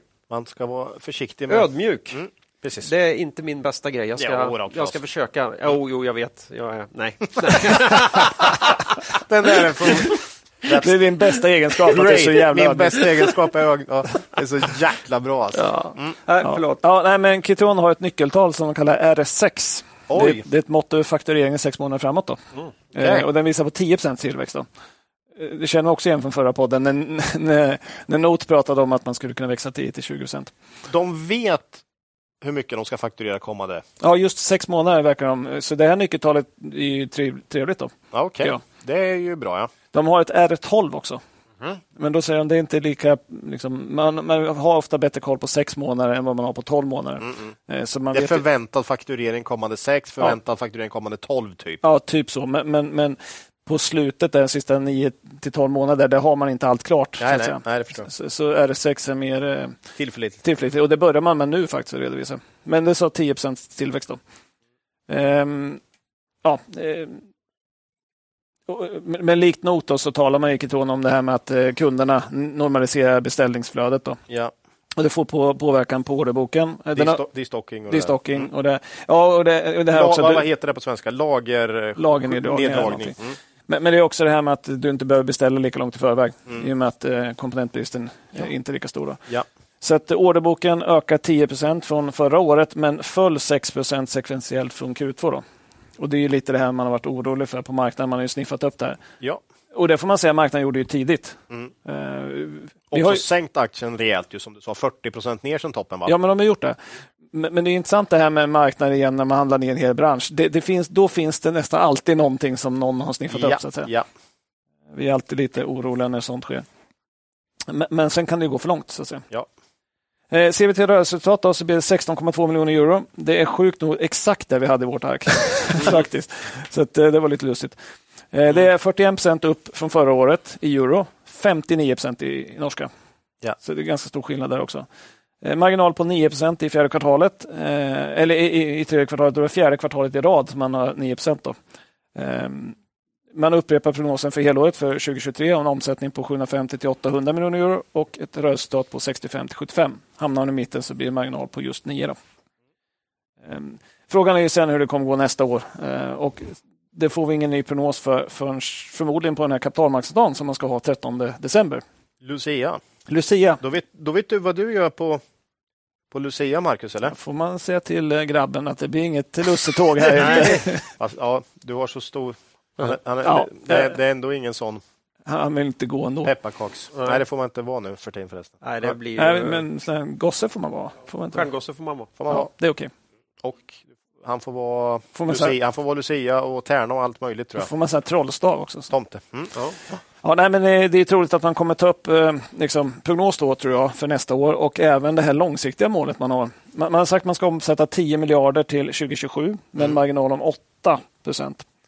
Eh, nu ser det ut som man, man omsätter ungefär 8,8 miljarder 2023 så att det ser ut som man når målet i förtid. Så att här kan det nu komma kanske diskussion kring nytt långt mål. Då. Ja. Och möjligtvis även vad man säger om marginalen, för nu ligger man ju över. Då. Den är Men då är intressant. vi här igen. när vi pratade om förut här. Japp. för, för den är ju intressant här. Vi, vi tror ju inte riktigt det här är uthållig marginal. Nej, Utan att de ligger lite över sitt, sin normal lönsamhet så att säga. Eh, Så, att, så att det blir väldigt intressant att se vad de säger. Ja. Ehm, Men, men sagt, vi, oavsett vad de säger kommer vi vara lite sunt skeptiska. ja. Sunt skeptisk, den gillar man ju. Det ska man vara. Mm, Eh, när vi tog upp dem eh, förra gången också sen så, så var det, hade man gjort det förvärvet av BB Electronics. Då. då hade man fått en nettoskuld genom ebitda på 3,5 och då sa vi det är lite för högt. Mm. sa vi. Eh, Men när vi tog upp dem i eh, avsnittet efter sen så var det 2,56 och nu är det nere i 1,7. Det är, ju, Så, så det är ju klart mer hanterbart. Då. är det på grund av vinst eller kassaflöde? Ja, både och. Båda och, ja. Eh, Såklart. bo- båda hjälper till. Bara för att jag frågar så dumt så, ja, det är klart. Mm. Det brukar vara både och. Det beror på gav. Men inte alltid. Nej, Eh, Men sen är räntorna är ju högre nu också. Det har vi pratat om i många bolag, Mm. bland annat Elanders. Då. Eh, Och på Comfort sa man att man har bara rörliga räntor. 6% betalar man tydligen. Huh. Och, det, och det här är intressant för att de kan få låna lite av mig till fem. Ja, du, får- du får höra av det vet du. Nej, men det är lite intressant för att då tänker man sig, åh gud vad högt så här. Men sen tänker man efter, ja men fast marknadsräntorna, ja just det. Och sen är det nog många bolag som kommer hamna där sen. Men, men de är redan Sex, där ja, så att säga. Det är mycket. Så på något sätt kan man ju säga, det är ju, då är man ju redan där ändå. Ja. Så att säga. Mm. Men, men, men det gör ju att liksom, vinst per aktie ökade 29 procent trots 41 procent på rörelseresultatet. Ja. Så att det, det är inte lika extremt som, som i Elanders, men, men det har en påverkan så att säga. Vi har i alla fall i våra ark en vinst per aktie för 2023 på 2,95 norska. Mm. Aktiekurs 29 ger ett P på 10. ja, det var ett tag sedan gick ifrån va? Ja, väldigt länge sedan. ja, men snitt, snittvärderingen är på 15,5 eh, Historiskt. i PE. Historiskt, det tycker vi är ganska rimligt. Ja, Eh, bra historik både sista åren och innan dess också faktiskt. Väldigt fint bolag. Pandemin var uppe på 28 och det var ju I för PE? högt. I PE. Ja, ja, det, Eh, Men de har ju sagt väldigt fina siffror som du sa. Eh, Ja. Omsättningen i snitt 16,5 procent upp eh, de senaste tio åren. Vinst, vinsten 50 procent upp i snitt. ja, för det är ju med marginalexpansion här också. Exakt så. Men vad, vad hade de i mål på omsättningstillväxt? Jag vet, Ja, inte om de har- jag vet inte om de har ett årligt mål faktiskt. Jag, Nej, nej. jag är lite osäker. Nej, de hade ett, just det. de har ju istället en mål på vad de ska omsätta Ja, stämmer. 2027. Så att sorry, sorry. Ja. Men, men, men det är ju väldigt bra. Mm. Men man, man har ökat marginalerna väldigt kraftigt och, och som vi brukar säga, är det hållbart då? ja. Eh, Så jag ställde den frågan på konfkålet. Är det hållbart? Är det hållbart? Men är- Härligt Marcus! Du kommer in och ställer de jobbiga frågorna. Ja, då, då, då sa vd att eh, ja, men jag tycker det är jättekul att vara över 9 procent. Vi vill gärna vara det. Och, ja, det är klart ni vill. och det är hållbart with the current level of capac- capacity utilization. Okej, så det är frågan om de kan Om hålla allt det. fortsätter att gå kanon så kommer det inte vara några problem.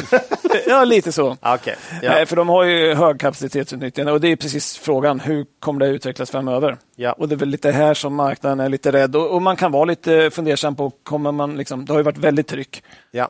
Eh, kommer man fortsätta vara det och vad händer om det blir lite sämre så att säga? Men P10, är Ja. inte det... Det är lågt, tycker Det, vi. det, det tar höjd för en del skit här alltså. Det är det vi tycker. Ja. Eh, Så att vi får se på den här kapitalmarknadsdagen om man ger vägledning kring marginalen. Men vi har ju eh, vi har gissat på lite lägre faktiskt för nästa år. Mm. Vi har 3,20 i eh, vinst per aktie eh, och då har vi 8,6 tror jag i marginal. Det kan ju såklart bli lägre, men, men det innebär ju ett P på 9 och det här tycker vi är för lågt. Ja, det är ju definitivt för lågt. Så att vi har köpt in det här som ett eh, innehav i firman faktiskt. Ja, det är kul. Kitron.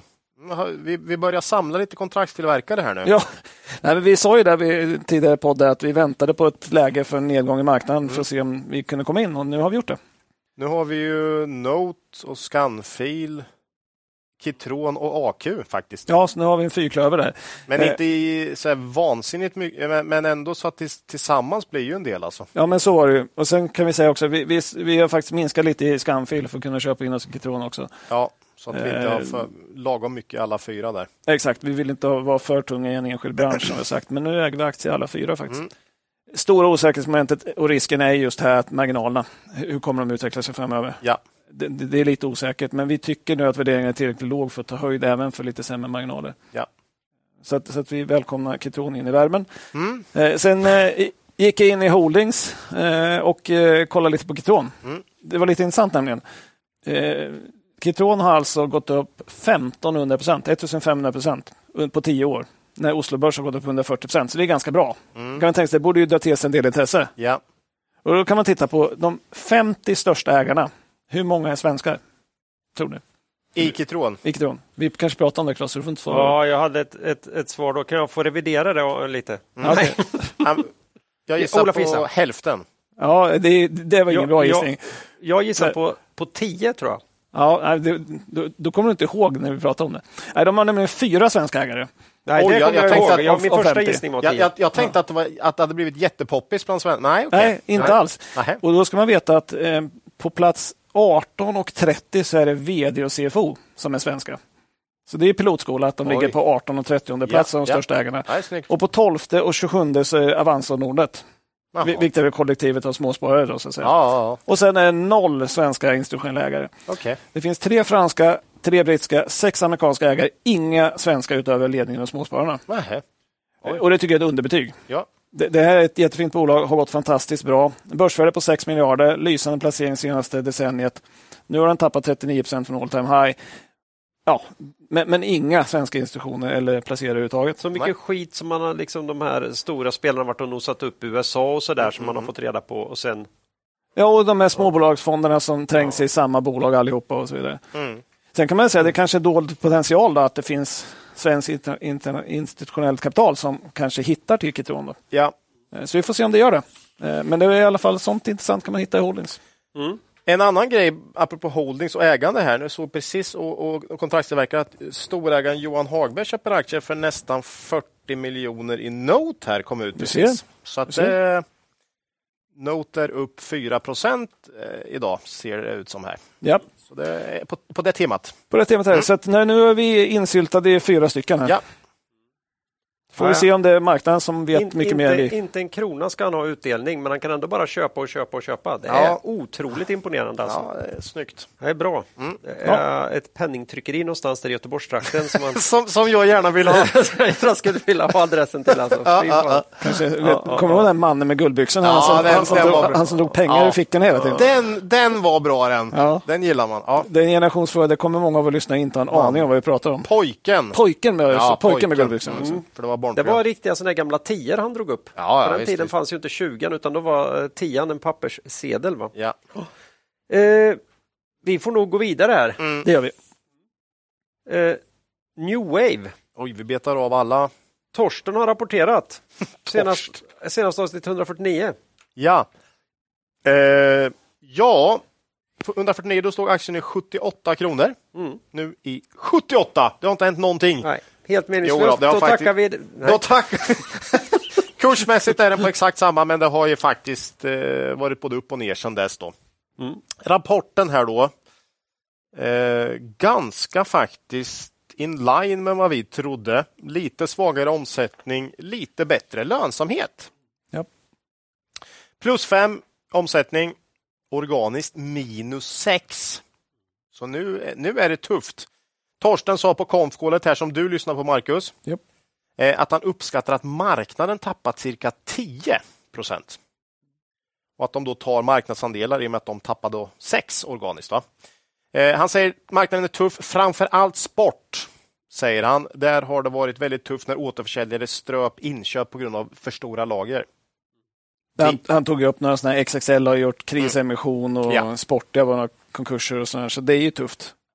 Jag såg eh, Hui har ju sagt att sporthandeln nu krympt sju kvartal i rad. Mm. Så, så att det är klart, det, det är ju ingen, det är ingen topp, toppmarknad för New Wave här.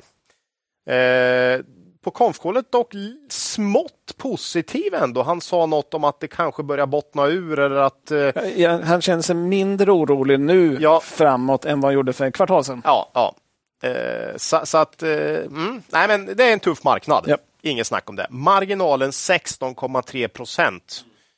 Eh, bättre än vad vi trodde och visar ju ändå på att de här 15 som man har i mål inte är helt orimligt. För det här är ju inga topptider. Nej. Men det var lite engångspröva. va? Viktigt. 20 miljoner ungefär i engångs och justerat för det så är det 15,5. Men det är ju fortfarande bra. Det var lite elstöd och Ja, elstöd och så var det en eh, resultateffekt från det här förvärvet man gjorde på, av Tenson. det var den här badwillen istället. Ja, Det är precis. lite, lite Det är inte ofta bolag får badwill Nej, alltså. nej, Eh, Och här är ju bra då med Ja. badwill. det brukar aldrig vara bra. nej. Motsvarigheten det är tvärtom på goodwill. Nej, men man löser upp den. Man, man köper till mindre än vad det är bokfört till och då kan man få en, en vinst när man löser upp det. Jag tror Hexatronic fick den när man gjorde det här förvärvet från Ericsson också för Ja. länge sedan. Det var i alla fall 6 miljoner någonting. Ja. Positiv resultateffekt då. eh, marginal 15,5 som jag sa justerat här då för det där och eh, det här var nog egentligen det viktigaste för oss faktiskt i rapporten. Eh, att det är en tuff marknad och omsättningen, man har det tufft på den sidan. Ja, det förstår man. Men just det här, det här marginallyftet man gjorde för några år sedan, där vi ändå har eh, committat till att det här har en underliggande eh, tydlig sak. Ja, strukturell förändring. Strukturell förändring från Craft som Ja. har eh, över 20 procent rörelsemarginal. Ja. Eh, Något annat än pandemieffekt alltså. ja, eh, gör ju att det här blir en sak som vi är väldigt, det är väldigt nyfikna på. Ja. Eh, att det här inte sjunker ner till 10 procent igen utan att det kanske bottnar på 13 över ett år och kanske ligger på 15 i snitt. Och nu, Tor- Torsten vill ju ha 15 jämnt verkar det som här. Ja, det lät så. Även i tuffare tider. Ja, för så har han ju inte sagt innan. Nej, jag tyckte han mer nu kändes mer confident t- vid, till att eh, liksom 15 är, nej, det ska vi fan inte under. Vilket, det, så har det inte låtit förut och det har inte vi trott på heller. På, Eh, på, på årsbasis, när på vissa års- enskilda ja, kvartal ja. kan gå under. Q1 är ju Q1 all- är ju svårt. är ju Ja. sämst, eller, sämst, svagast. Ja. Eh, sådär. Kassaflödet förväntas vara starkare framåt nu, säger man. Eh, man ska liksom inte bygga upp lagret mer. Tycker man är lite tråkigt också, för lagerökning brukar ofta eh, komma inför bra tider då. Visst är det klassiskt, du kan se hur mycket laget har ökat, Ja. vad de tror om Mm. framtiden. Så, Så nu när de säger att kassaflödet kommer vara starkt, man kommer inte bygga så mycket lager, det tyder ju på att de ser en tuffare marknad. Ja. Eh, Torsten säger också lite ironiskt nästan, eh, om man lyfter blicken över ett eller två, eller ett, han sa faktiskt ett kvartal riktigt. Lyfter man blicken över ett kvartal eh, så är han mer konfident än någonsin. Ja. Så det är fortfarande så där att han eh, Det låter som att han är lite sur på marknaden. Så också. Ja, lite så. Och att han inte, han sa väl det när han pratade med DE också att eh, eh, ja, han förstår inte alltid hur aktiemarknaden tänker och sådär. Eh, aktien steg 5% på rapportdag på den här rapporten och eh, idag är den ner 2,5 procent till 78 då. Ja. Mm. Eh, det är ju faktiskt eh, lite, det är blankat i den här aktien Ja. har vi sagt. Eh, och blankarna, tror vi, har siktat in sig dels på den tuffa marknaden som nu är inom många av de eh, branscher som New Wave verkar. Det är ju företag, så är det ju sport mycket. Så att det är ju en grej och den andra är väl att New Wave har klart högre marginaler än vad man har haft historiskt. Precis. Så det är väl de två sakerna. Så att även blanka, nu, nu var det ju, steg ju aktien igår på en rapport som nog var ganska inline va? Ja. Eh, vilket kanske tyder på att många är jäkligt nyfikna på den här marginalen. Alltså. Eh, så håller de den så kan det säkert bli bra. Eh, man har gjort två förvärv senaste året, länge sedan innan dess. Man letar förvärv. Jag såg i Dagens Industri att Torsten sa att han upplever att priserna är attraktiva. Det är bra. Så att eh, för de som har bra balansräkning så är det ju bra såklart. Eh, nej, men angående det här med blankare och marknad och, och marginaler. Den tuffa marknaden tycker vi, det är ju en sak. Det är ju vad det är. Svårt för bolaget att göra något åt. Man får göra det så bra som möjligt. Den här, det här kommer ju också vända någon gång såklart. Marginalerna däremot är ju här är fortfarande lite, vad heter det? It's the jury is still out, så att säga. Eh, ska de ner? Vi tror ju inte de ska ner till 10 igen. Eh, men ska de ner mycket mer eller ska de ner lite grann bara i sämre tider? Det är klassiskt. Vi, det är precis där vi sitter med. Ja, det, det är det viktiga här. Och Det här tyckte vi ändå var en rapport som visade på att även nu med organisk mins- minskning 6% så håller man en marginal på 15,5. Ja. Justerat är ju, tyckte vi var en, ett, ett väldigt viktigt, en väldigt viktig datapunkt Ja. för oss. Så kan vi säga. Eh, med detta sagt så tror vi det blir vinsttapp här då. Ett par kvartal framåt. Vinsttapp, alltså jämfört med föregående år. Lägre vinst. Lägre vinst, ja. Eh, och det, var ju, det är ju tuffa jämförelsekvartal här, det, det måste man säga. Ja, särskilt Q1. Q4 också, men framförallt Q1 Ja, nästa år. så, så två kvartal till blir ju väldigt tufft här. Ja. Eh, och det fick han ju frågor om på konfkålet också, eh, just om det. Och då sa Torsten att ja, men vi ska nog försöka öka vinsten även tidigare. Men det, det men, men var, förmodligen inte. nej, det, kändes det är nog ingen som alltså. tror att de kommer öka vinsten kommande två kvartal. Utan Och då är det här med vad är inprissatt. Liksom. var inprisat. Eh, men som sagt, vinsten, eh, eh, vinstutveckling är en sak, men värderingen är ju den andra saken här. Eh, på kurs 78 spänn snackar vi här att aktien värderas till ungefär 8,5 eh, på rullande fyra kvartal bakåt. Eh, det är ju liksom otroligt lågt för ett bolag med den här historiken eh, och faktiskt stark marknadsposition. Och i en, i en ganska svag marknad, i alla fall två kvartal. Två nu, kvartal eller- svaga, Ja. två bra kan man säga. Eller svaga, men, men Ja. en tuffare marknad.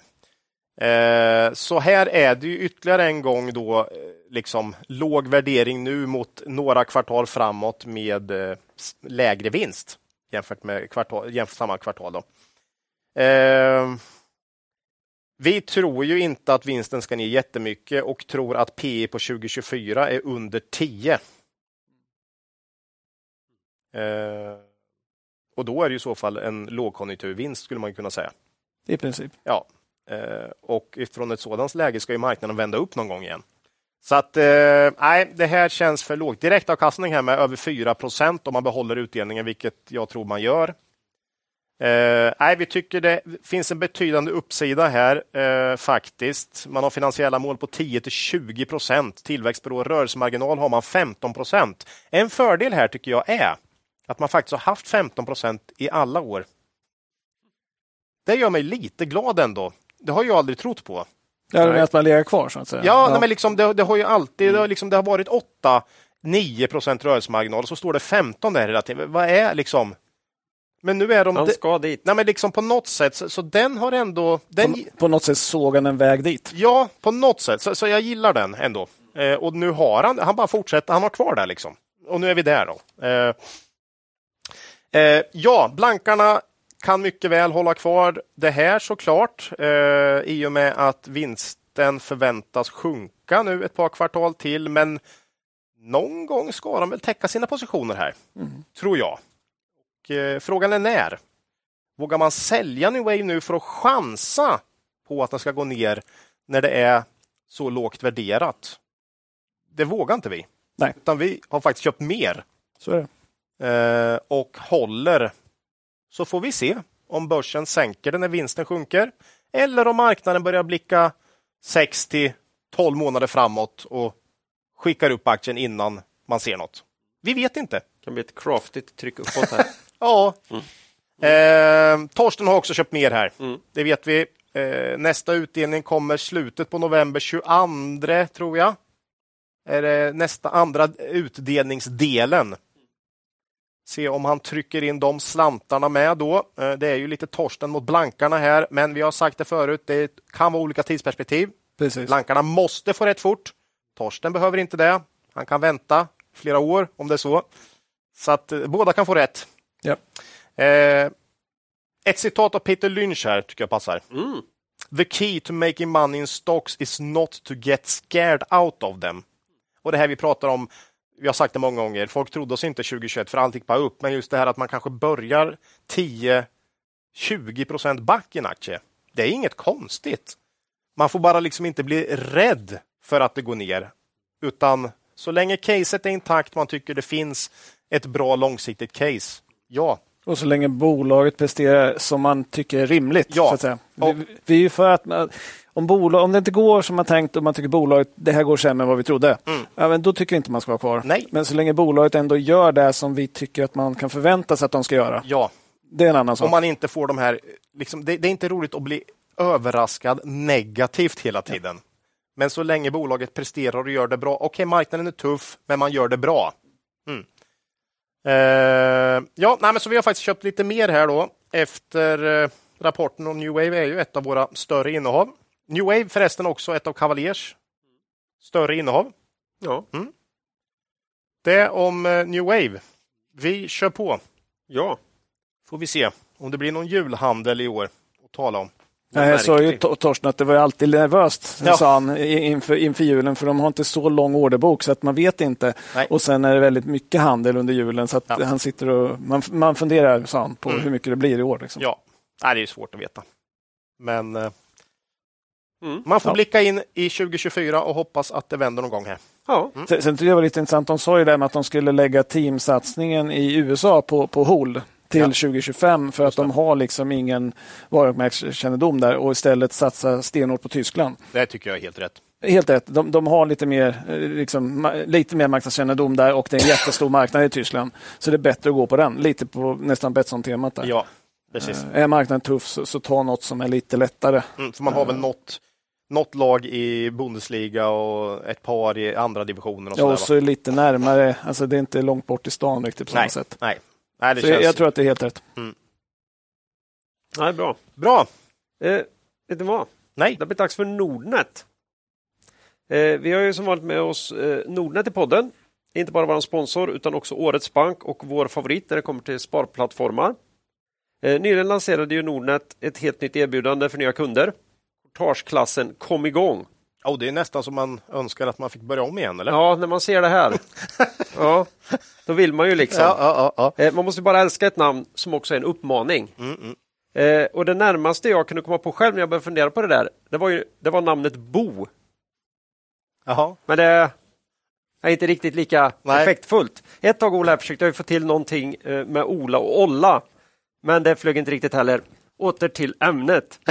Eh, kom igång eh, då. Eh, där får ju nya kunder courtagefri handel på Stockholmsbörsen och alla fondavgifter tillbaka tills dess att man nått 50 000 kronor på Nordnets plattform.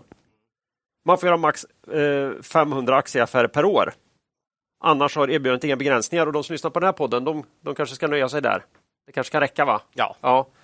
Eh, det finns ju andra skäl också förutom här. Kom igång att vi gillar Nordnet. Men det kan vara bra för de som ska komma igång och veta vilka de är. Mm. Och till, till exempel den stabila och kraftfulla plattformen håller en enormt hög nivå. Idag, I år har man haft en upptid på över 99 procent. Det är bra. Otroligt viktigt för oss som handlar mycket. Ja. Utbudet av investeringsmöjligheter. Allt vi vill ha finns tillgängligt hos Nordnet. Och eh, Det är lätt att förstå hur det funkar när det presenteras eh, på plattformen och i appen. Och för oss som investerar långsiktigt så är det ju jättesmidigt att ha aktierna i en kapitalförsäkring hos Nordnet. Eh, Då får man både utländsk källskatt återbetald inom en må- inom en månad och eh, lite extra avkastning genom aktielåneprogrammet. Så. Eh, Så i och med det här nya erbjudandet finns det inte en enda vettig anledning att inte prova Nordnet. Gå in på nordnet.se och skaffa ett konto. Handla gratis på Stockholmsbörsen, slipp alla fondavgifter upp till 50 000 kronor. Ska man också komma ihåg att finansiella instrument kan både öka och minska i värde. Det finns en risk att du inte får tillbaka de pengar du investerar. Tack säger vi till Nordnet. Så är det. Eh, Sista bolaget ut då idag, Ja. Svedbergs. Mm. Eh, här, man brukar säga så här, när Gud stänger en dörr så öppnar han ett fönster. Det är ett ordspråk. Ja, Jag tror det är ett gammalt judiskt ordspråk faktiskt. Okej. Ja. Eh, och i, i Då tänkte Svedbergs... jag på Inwido här, men nej. Ja, man kanske, är, är det då eh, tanken att man ska köpa in video istället? Nej, det är det inte. Nej, nej. I, I Svedbergs fall skulle det väl bli att, att när Svedbergs öppnar ett fönster så smäller de igen dörren i ansiktet på dig. Och den här gången i form av ännu ett förvärv då med en stor företrädesemission utan färdiga villkor. Mm, lite jobbigt, när, ja. när den tillkännages. Man brukar säga så här, favorit i repris, men jag vet inte vad heter den här tvärtom. Ja, Ja, eh, det har jag ingen på. Nej. Nej, mer om det strax. Eh, Svedbergs var med senast i avsnitt 150 och eh, vi hade berättat att vi hade kvar våra aktier och det nu gällde var lång, att vara långsiktig som ägare i Svedbergs.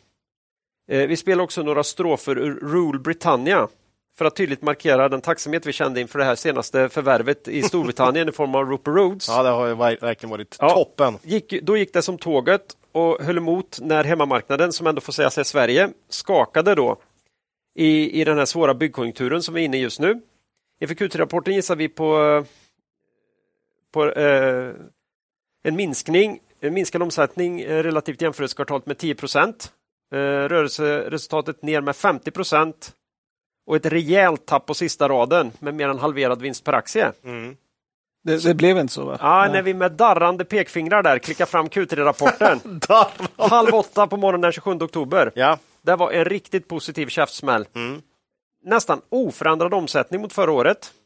Rörelseresultatet upp 8% och en vinst per aktie som bara var ner 18 Och då ska det alltså, då var det förra årets Q3-rapport var urstark. Ska vara klar för oss. Fruktansvärt dåligt prognostiserat av oss faktiskt. Ja, det var uselt. Mm. Eh, Till vårt försvar tror jag ganska många hade Ja. ungefär liknande. Det, var, det var inte så lätt kan vi säga. Nej. Ja, det har ju varit rejält höjda räntor sedan dess. Det var ju därför vi var väldigt negativa här till eh, sista raden. Eh, och, och man, har ju, konjunktur. Ja, man är strax över två i nettoskuld per eh, nettoskuld i ebitda här.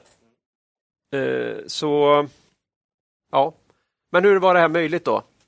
Ja, jag orkar inte spela Rule Britannia igen. Nej, nej. Det får, det får stå. Ja. Men det är ju, Rupert Rhodes går ju som tåget och, och bär ju nu koncernen på sina starka, seniga brittiska axlar. Senig. Bolaget står alltså för 66 procent av omsättningen i kvartalet. Ebit-marginal på nästan 17 procent. För ett år sedan var de siffrorna för Rupert Rhodes eh, 59 procent av omsättningen och 13 procent i ja, ebita-marginal är ju det här. Ja.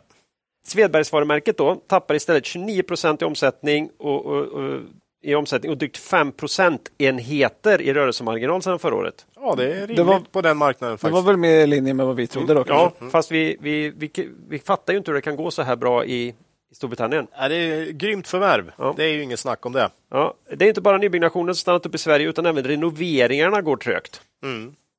Eh, det finns stora möjligheter att Rupert Rhodes kommer fortsätta gå bra bara för att de uppenbarligen ja, upphäver tyngdlagen lite här. Mm.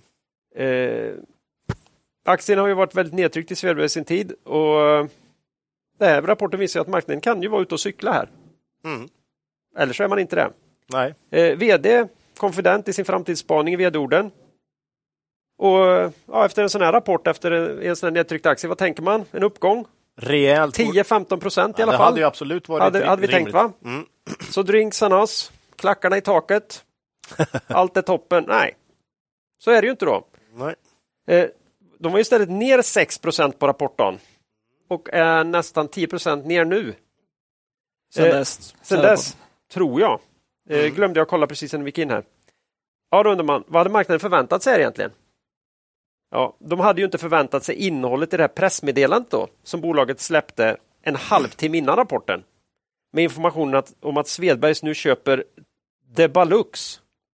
Så sa de på konfkålet. Jag har inte en aning om hur det ska uttalas, för det här är i Nederländerna. Ah, okay. Jag gissar att det inte riktigt ska uttalas så. Men... Nej. Men det, det, det får stå för dem. Ja. Det här är som Roper Roads fast i Nederländerna, fast och ännu mer lönsamt. Det här låter ju fantastiskt, Claes. Det här ska alltså ha en rörelsemarginal på över 25 procent enligt kommunikationen. Då skulle ju aktien ha gått upp 30 procent. 15 för Ja, rapporten grymt. och 15 för förvärvet. Det låter ju otroligt bra. Det var ju det här med nettoskuld genom ebitda på 2 va? Ah, eh, Svedberg sitter ju inte på någon nettokassa här direkt. ja, just det. Så av de här eh, 526 miljonerna man ska trycka in här, kronor pratar vi, så, så ska 400 av dem komma från, eh, till förvärvet komma från en, en företrädesemission Ja. i Svedbergs utan i dagsläget kända villkor. Den igen. Man har redan fått låna de här pengarna, ja. så det är inte så att det skulle gå åt skogen om inte det här går igenom eller så, utan, men Nej. man, man vill inte öka sin skuldsättning så mycket. Så. Man ska göra en Ja, nyemission. så. Samma visa igen här nu då. Eh, och det är ju här skon klämmer för marknaden. Mm. Helt klart då. Eh, vi har fått in frågor till podden om det här är något att ta eh, egentligen bry sig om. Eh, då en eh, företrädesemission ju alla ger, ger alla nuvarande ägare möjlighet att teckna sin prorata-andel. Alltså rätt att teckna samma procentuella andel i emissionen som man äger procentuellt i bolaget vid emissionstillfället. Mm. Eh, tur man får andas efter ett tag där. ja, vad ska man säga om det? Ja. Jag, jag tänker så här, man kan säga, vi såg ju hur det gick senast. Mm.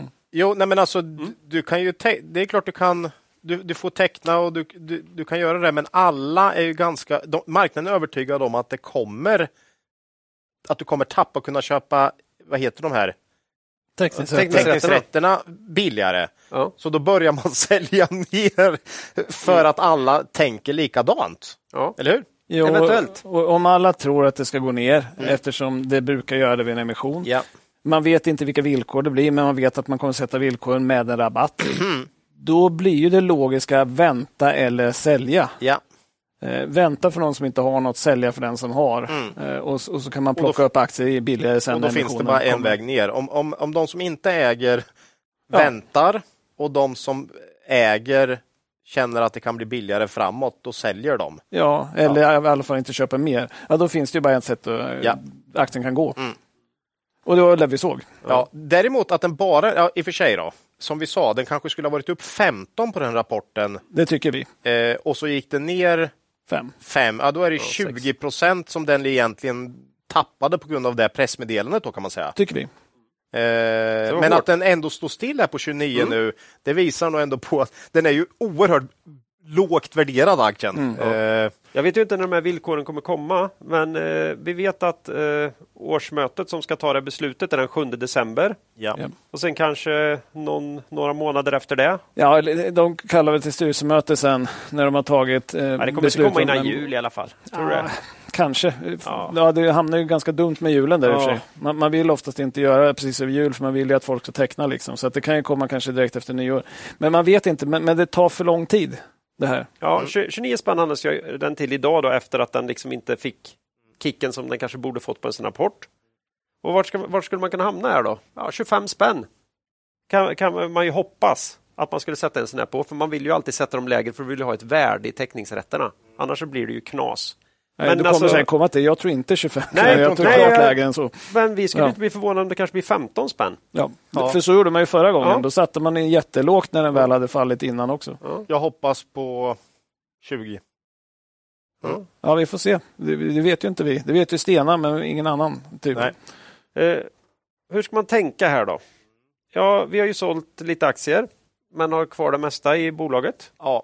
Det är ju inte något jättestort innehav just nu för oss. Nej, Nej. Får vi säga ändå. eh, Nej. för det finns två motstående tankar att tampas med här. Mm. Kursen pressades rejält i förra varvet. Den Ja. här, eh, de här mekanismerna som vi har eh, pratat om, emissionsnivån, av princip sätts alltid en bit ner från nivån Mm. när villkoren väl sätts. Och det är just det, det är ju när villkoren väl sätts. Eh, och, De är okända än så länge. ja, och, och det står ju mot att bolaget värderas väldigt lågt just nu och att det är kanske är ett tag kvar. Ja. Handlas på 29 spänn här nu. Om marknaden vore lika pessimistisk som vi är så skulle man ju börja handla ner dem mot lägre redan nu. Då skulle man ju bara sälja och vänta på att få köpa det billigare och det gör man ju inte. Jag tror den bra rapporten Mm. och att det är ett bra förvärv och att det är så lågt värderat håller emot här.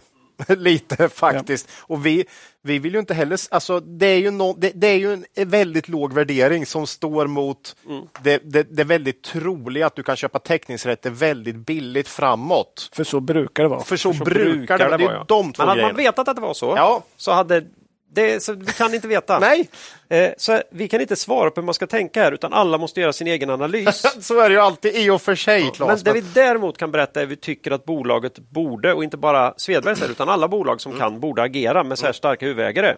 Det är fullt möjligt eh, som, för en stark huvudägare som Svedbergs har här i form av Stena att i samband med meddelandet om förvärvet och emissionen sätta en nivå Ja, Offentliggöra villkor för ja, allt. som garanteras Ja. av Stena och sen får det beslutas på stämman som Stena i realiteten kontrollerar. Och Då kan alla räkna. Det Stena vill ska hända på stämman kommer hända på stämman.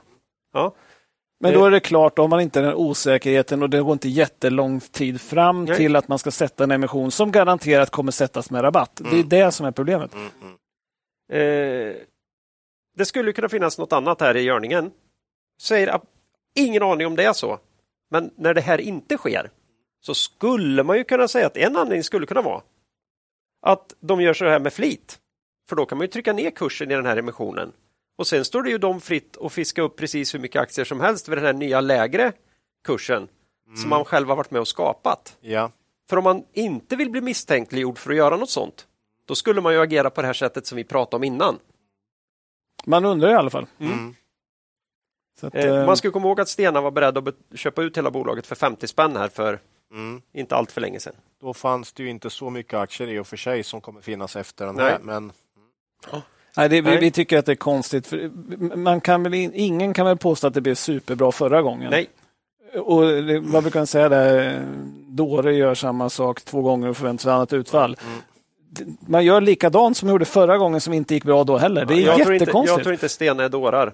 Så jag tror att det, att det finns han något kanske annat. bara inte bryr sig, för för dem spelar inte det här så stor roll. För Nej. Stena spelar verkligen ingen stor roll. nej. Så att, eh, ja.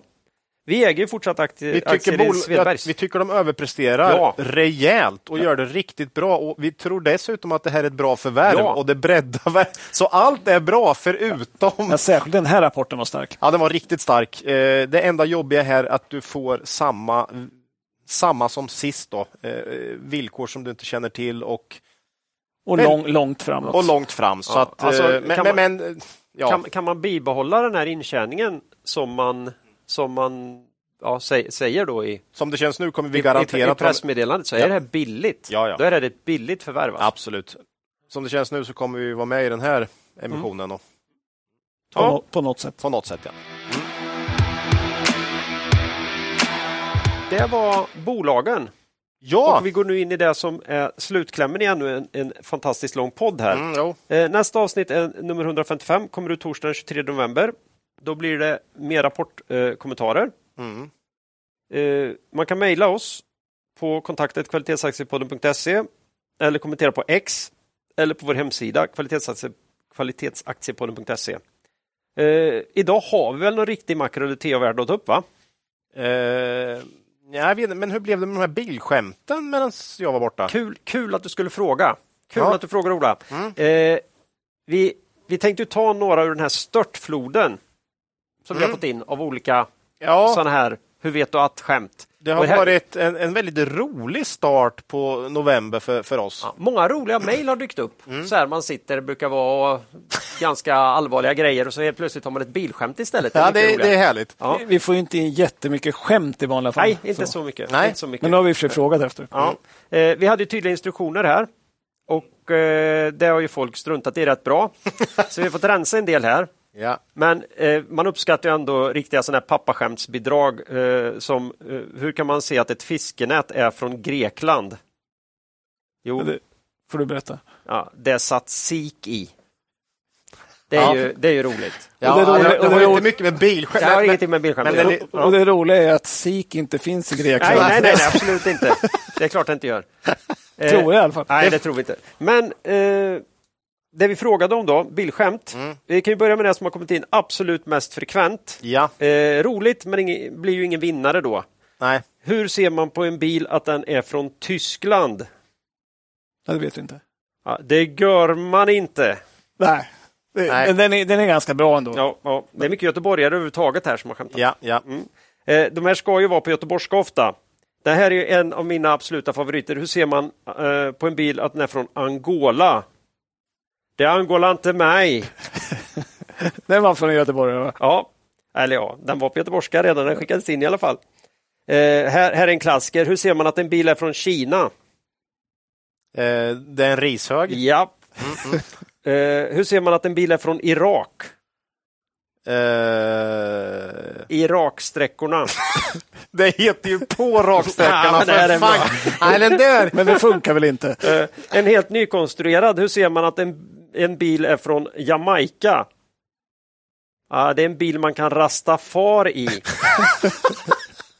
Ja, den är bra. Ja. Ja, för jag hade Like någon it. annan Jamaica förra gången. Ja, ja, ja, det var ju registreringsskylten. Registrerings-. Ja, Registrerings. Eh, Sen har vi ju en, eh, en utom tävlan här som kommit in från någon jag väljer att kalla Kap-Ola. Han vill vara anonym här. Ja. Hur ser man att en bil är från Tyskland? Jo, jo på avgasruret. Ja, det var ju faktiskt... Jag, jag kom på en till förresten nu när jag var i Thailand. Eh, hur man ser att en bil är från Thailand. Men det var ju logiskt när vi var i Thailand. Ja. Ja, på bilbatteriet. Oh, batteriet. Bat. Ja, Batteriet. ja, det bra. Bilbatteriet. Ja, den, den är ju Det är bara att bra. hålla på så här. Det, det, du hade några Ja, jag gillar ju som- den här med hur man vet att bilen är fransk. Ja, den är ju bäst Det är ingen egentligen. ordvits, men man vet det eftersom den står på verkstaden. Liksom ingenting! Ja, det, det, sånt där är ju, det är ju Ja, det är alltid kul. bra. Och sen, sen ett hedersomnämnande där också. Ja, Då. nej, men vi, det var ju ändå en tävling. Eh, och så, så fick vi in ett, eh, ett, eh, ett förslag från, från en god vän som heter Peppe, det, det, som vi känner. Och då sa vi att då får inte du vara med i tävlingen, så du får ett hedersomnämnande, för vi tyckte den var bra. Ja. Och den är lite annorlunda då, för eh, hur ser man att en bil tillhör en matematiker? Och då är den extrapolerad. det är ingenjörsskämt Ja, ordentligt. om man inte har läst matte och sånt vet jag inte riktigt om den där Ja, flyger. är det inte lika men- roligt, Nej, men vi tyckte att den var kul Ja. alla fall. Mycket roligt. Men man fick Nej, inte... extrapolera kan man ju säga. Det kan man ju säga även om andra vi grejer. drar ut den. Ja, härligt. Eh, ja, eh, vinnare i tävlingen då Ja, blir i, i, i, i brist på elaka bidrag om danska bilar. Ja, vi fick inte in något dans då. Nej, eh, det, går kanske inte går att skämta det om danska bilar. Det går inte. Eh, Ola, ja det, här, det här var en av de få som fick mig att skratta. Du vet, sådär lite pinsamt. Mm. Du vet, lite, lite för mycket Jo. och lite för länge. Nej, vår favorit här och vinnaren blir den här lite originella då. Hur vet man att ett gäng bilar är från Bukarest? Det är inte lätt. Det sitter en rumän igen. Igen. nej, nej, det är Inskickat av Simon. Ja. Grattis säger vi! Ja. Stort grattis! Eh, Får vi bara tag i en adress till honom så kommer han få ett ex of the most important thing på posten. Och där får väl vi skriva in vårat favorit. hur, hur, hur vet du att bilskämt då? Ja, det ska vi, det ska vi Ja. definitivt få med där. Eh, sen vill jag ju bara avsluta med min personliga favorit. Hur ser man att en bil är från Turkiet? Ja, det, är vi, det, det, det är ju en av de ursprungs... Det är ju på vindruteturkarna. Ja. Som ingen skickade in. Det tackar vi för. Ja, det var ju, vi sa ju faktiskt det också. Så är det. Så Men det- NATO-ansökan går ju Nej, ändå då- åt, nej. åt helvete Då här. Så. gick det ju åt skogen ändå. Ja, Ja, men vad nu bryr vi oss tråkigt. inte längre. Nej. Nu är vi trötta på hela processen. trött, trött Ja. på det. Eget ägande då? Allt. Ja, Ja, Betsson, Inwido, Kitron. New Wave och Svedbergs. RVRC hade vi uppe i början, Ja, vi nämnde det. eh, så det var väldigt mycket. VBG sa vi också att den var en bra rapport, och det Mm. äger vi. Så vi, det var mycket vi ägde idag. Ja, det var en sån då. Ja. Eh, vi stöter ju helt på eget bevåg Läkare utan gränser. Organisationen startades 1971 av läkare och journalister som ansåg att det behövdes en oberoende hjälporganisation som talade ut om övergrepp och missförhållanden och satte människor före politik. Idag arbetar Läkare utan gränser i över 70 länder runt om i världen med allt från medicinsk katastrofhjälp till att, eh, att stärka barnhälsan i utvecklingsländer. Man kan läsa mer på läkareutangränser.se. Där kan man också se vad man själv kan göra för att stötta den här viktiga verksamheten. Eh, vi vill även påminna eh, våra lyssnare om den fina möjligheten som finns att månadsspara i Cavaliers fonder. Det kan man enkelt göra bland annat via Nordnet Avanza eh, och då även i sitt pensionsspar om man har det där. Då ska man komma ihåg att historisk avkastning i fonder inte behöver vara en indikator på framtida avkastning och att ni kan förlora delar av ert satsade kapital då fonder både kan gå upp och ner i värde. Med detta vill vi tacka alla lyssnare för den här gången och ber dem komma ihåg att Det är först när tidvattnet drar sig tillbaka som ni får se vem som badat naken. Lose money for the firm and I will be understanding. Lose a shred of reputation for the firm and I will be ruthless. I welcome your questions.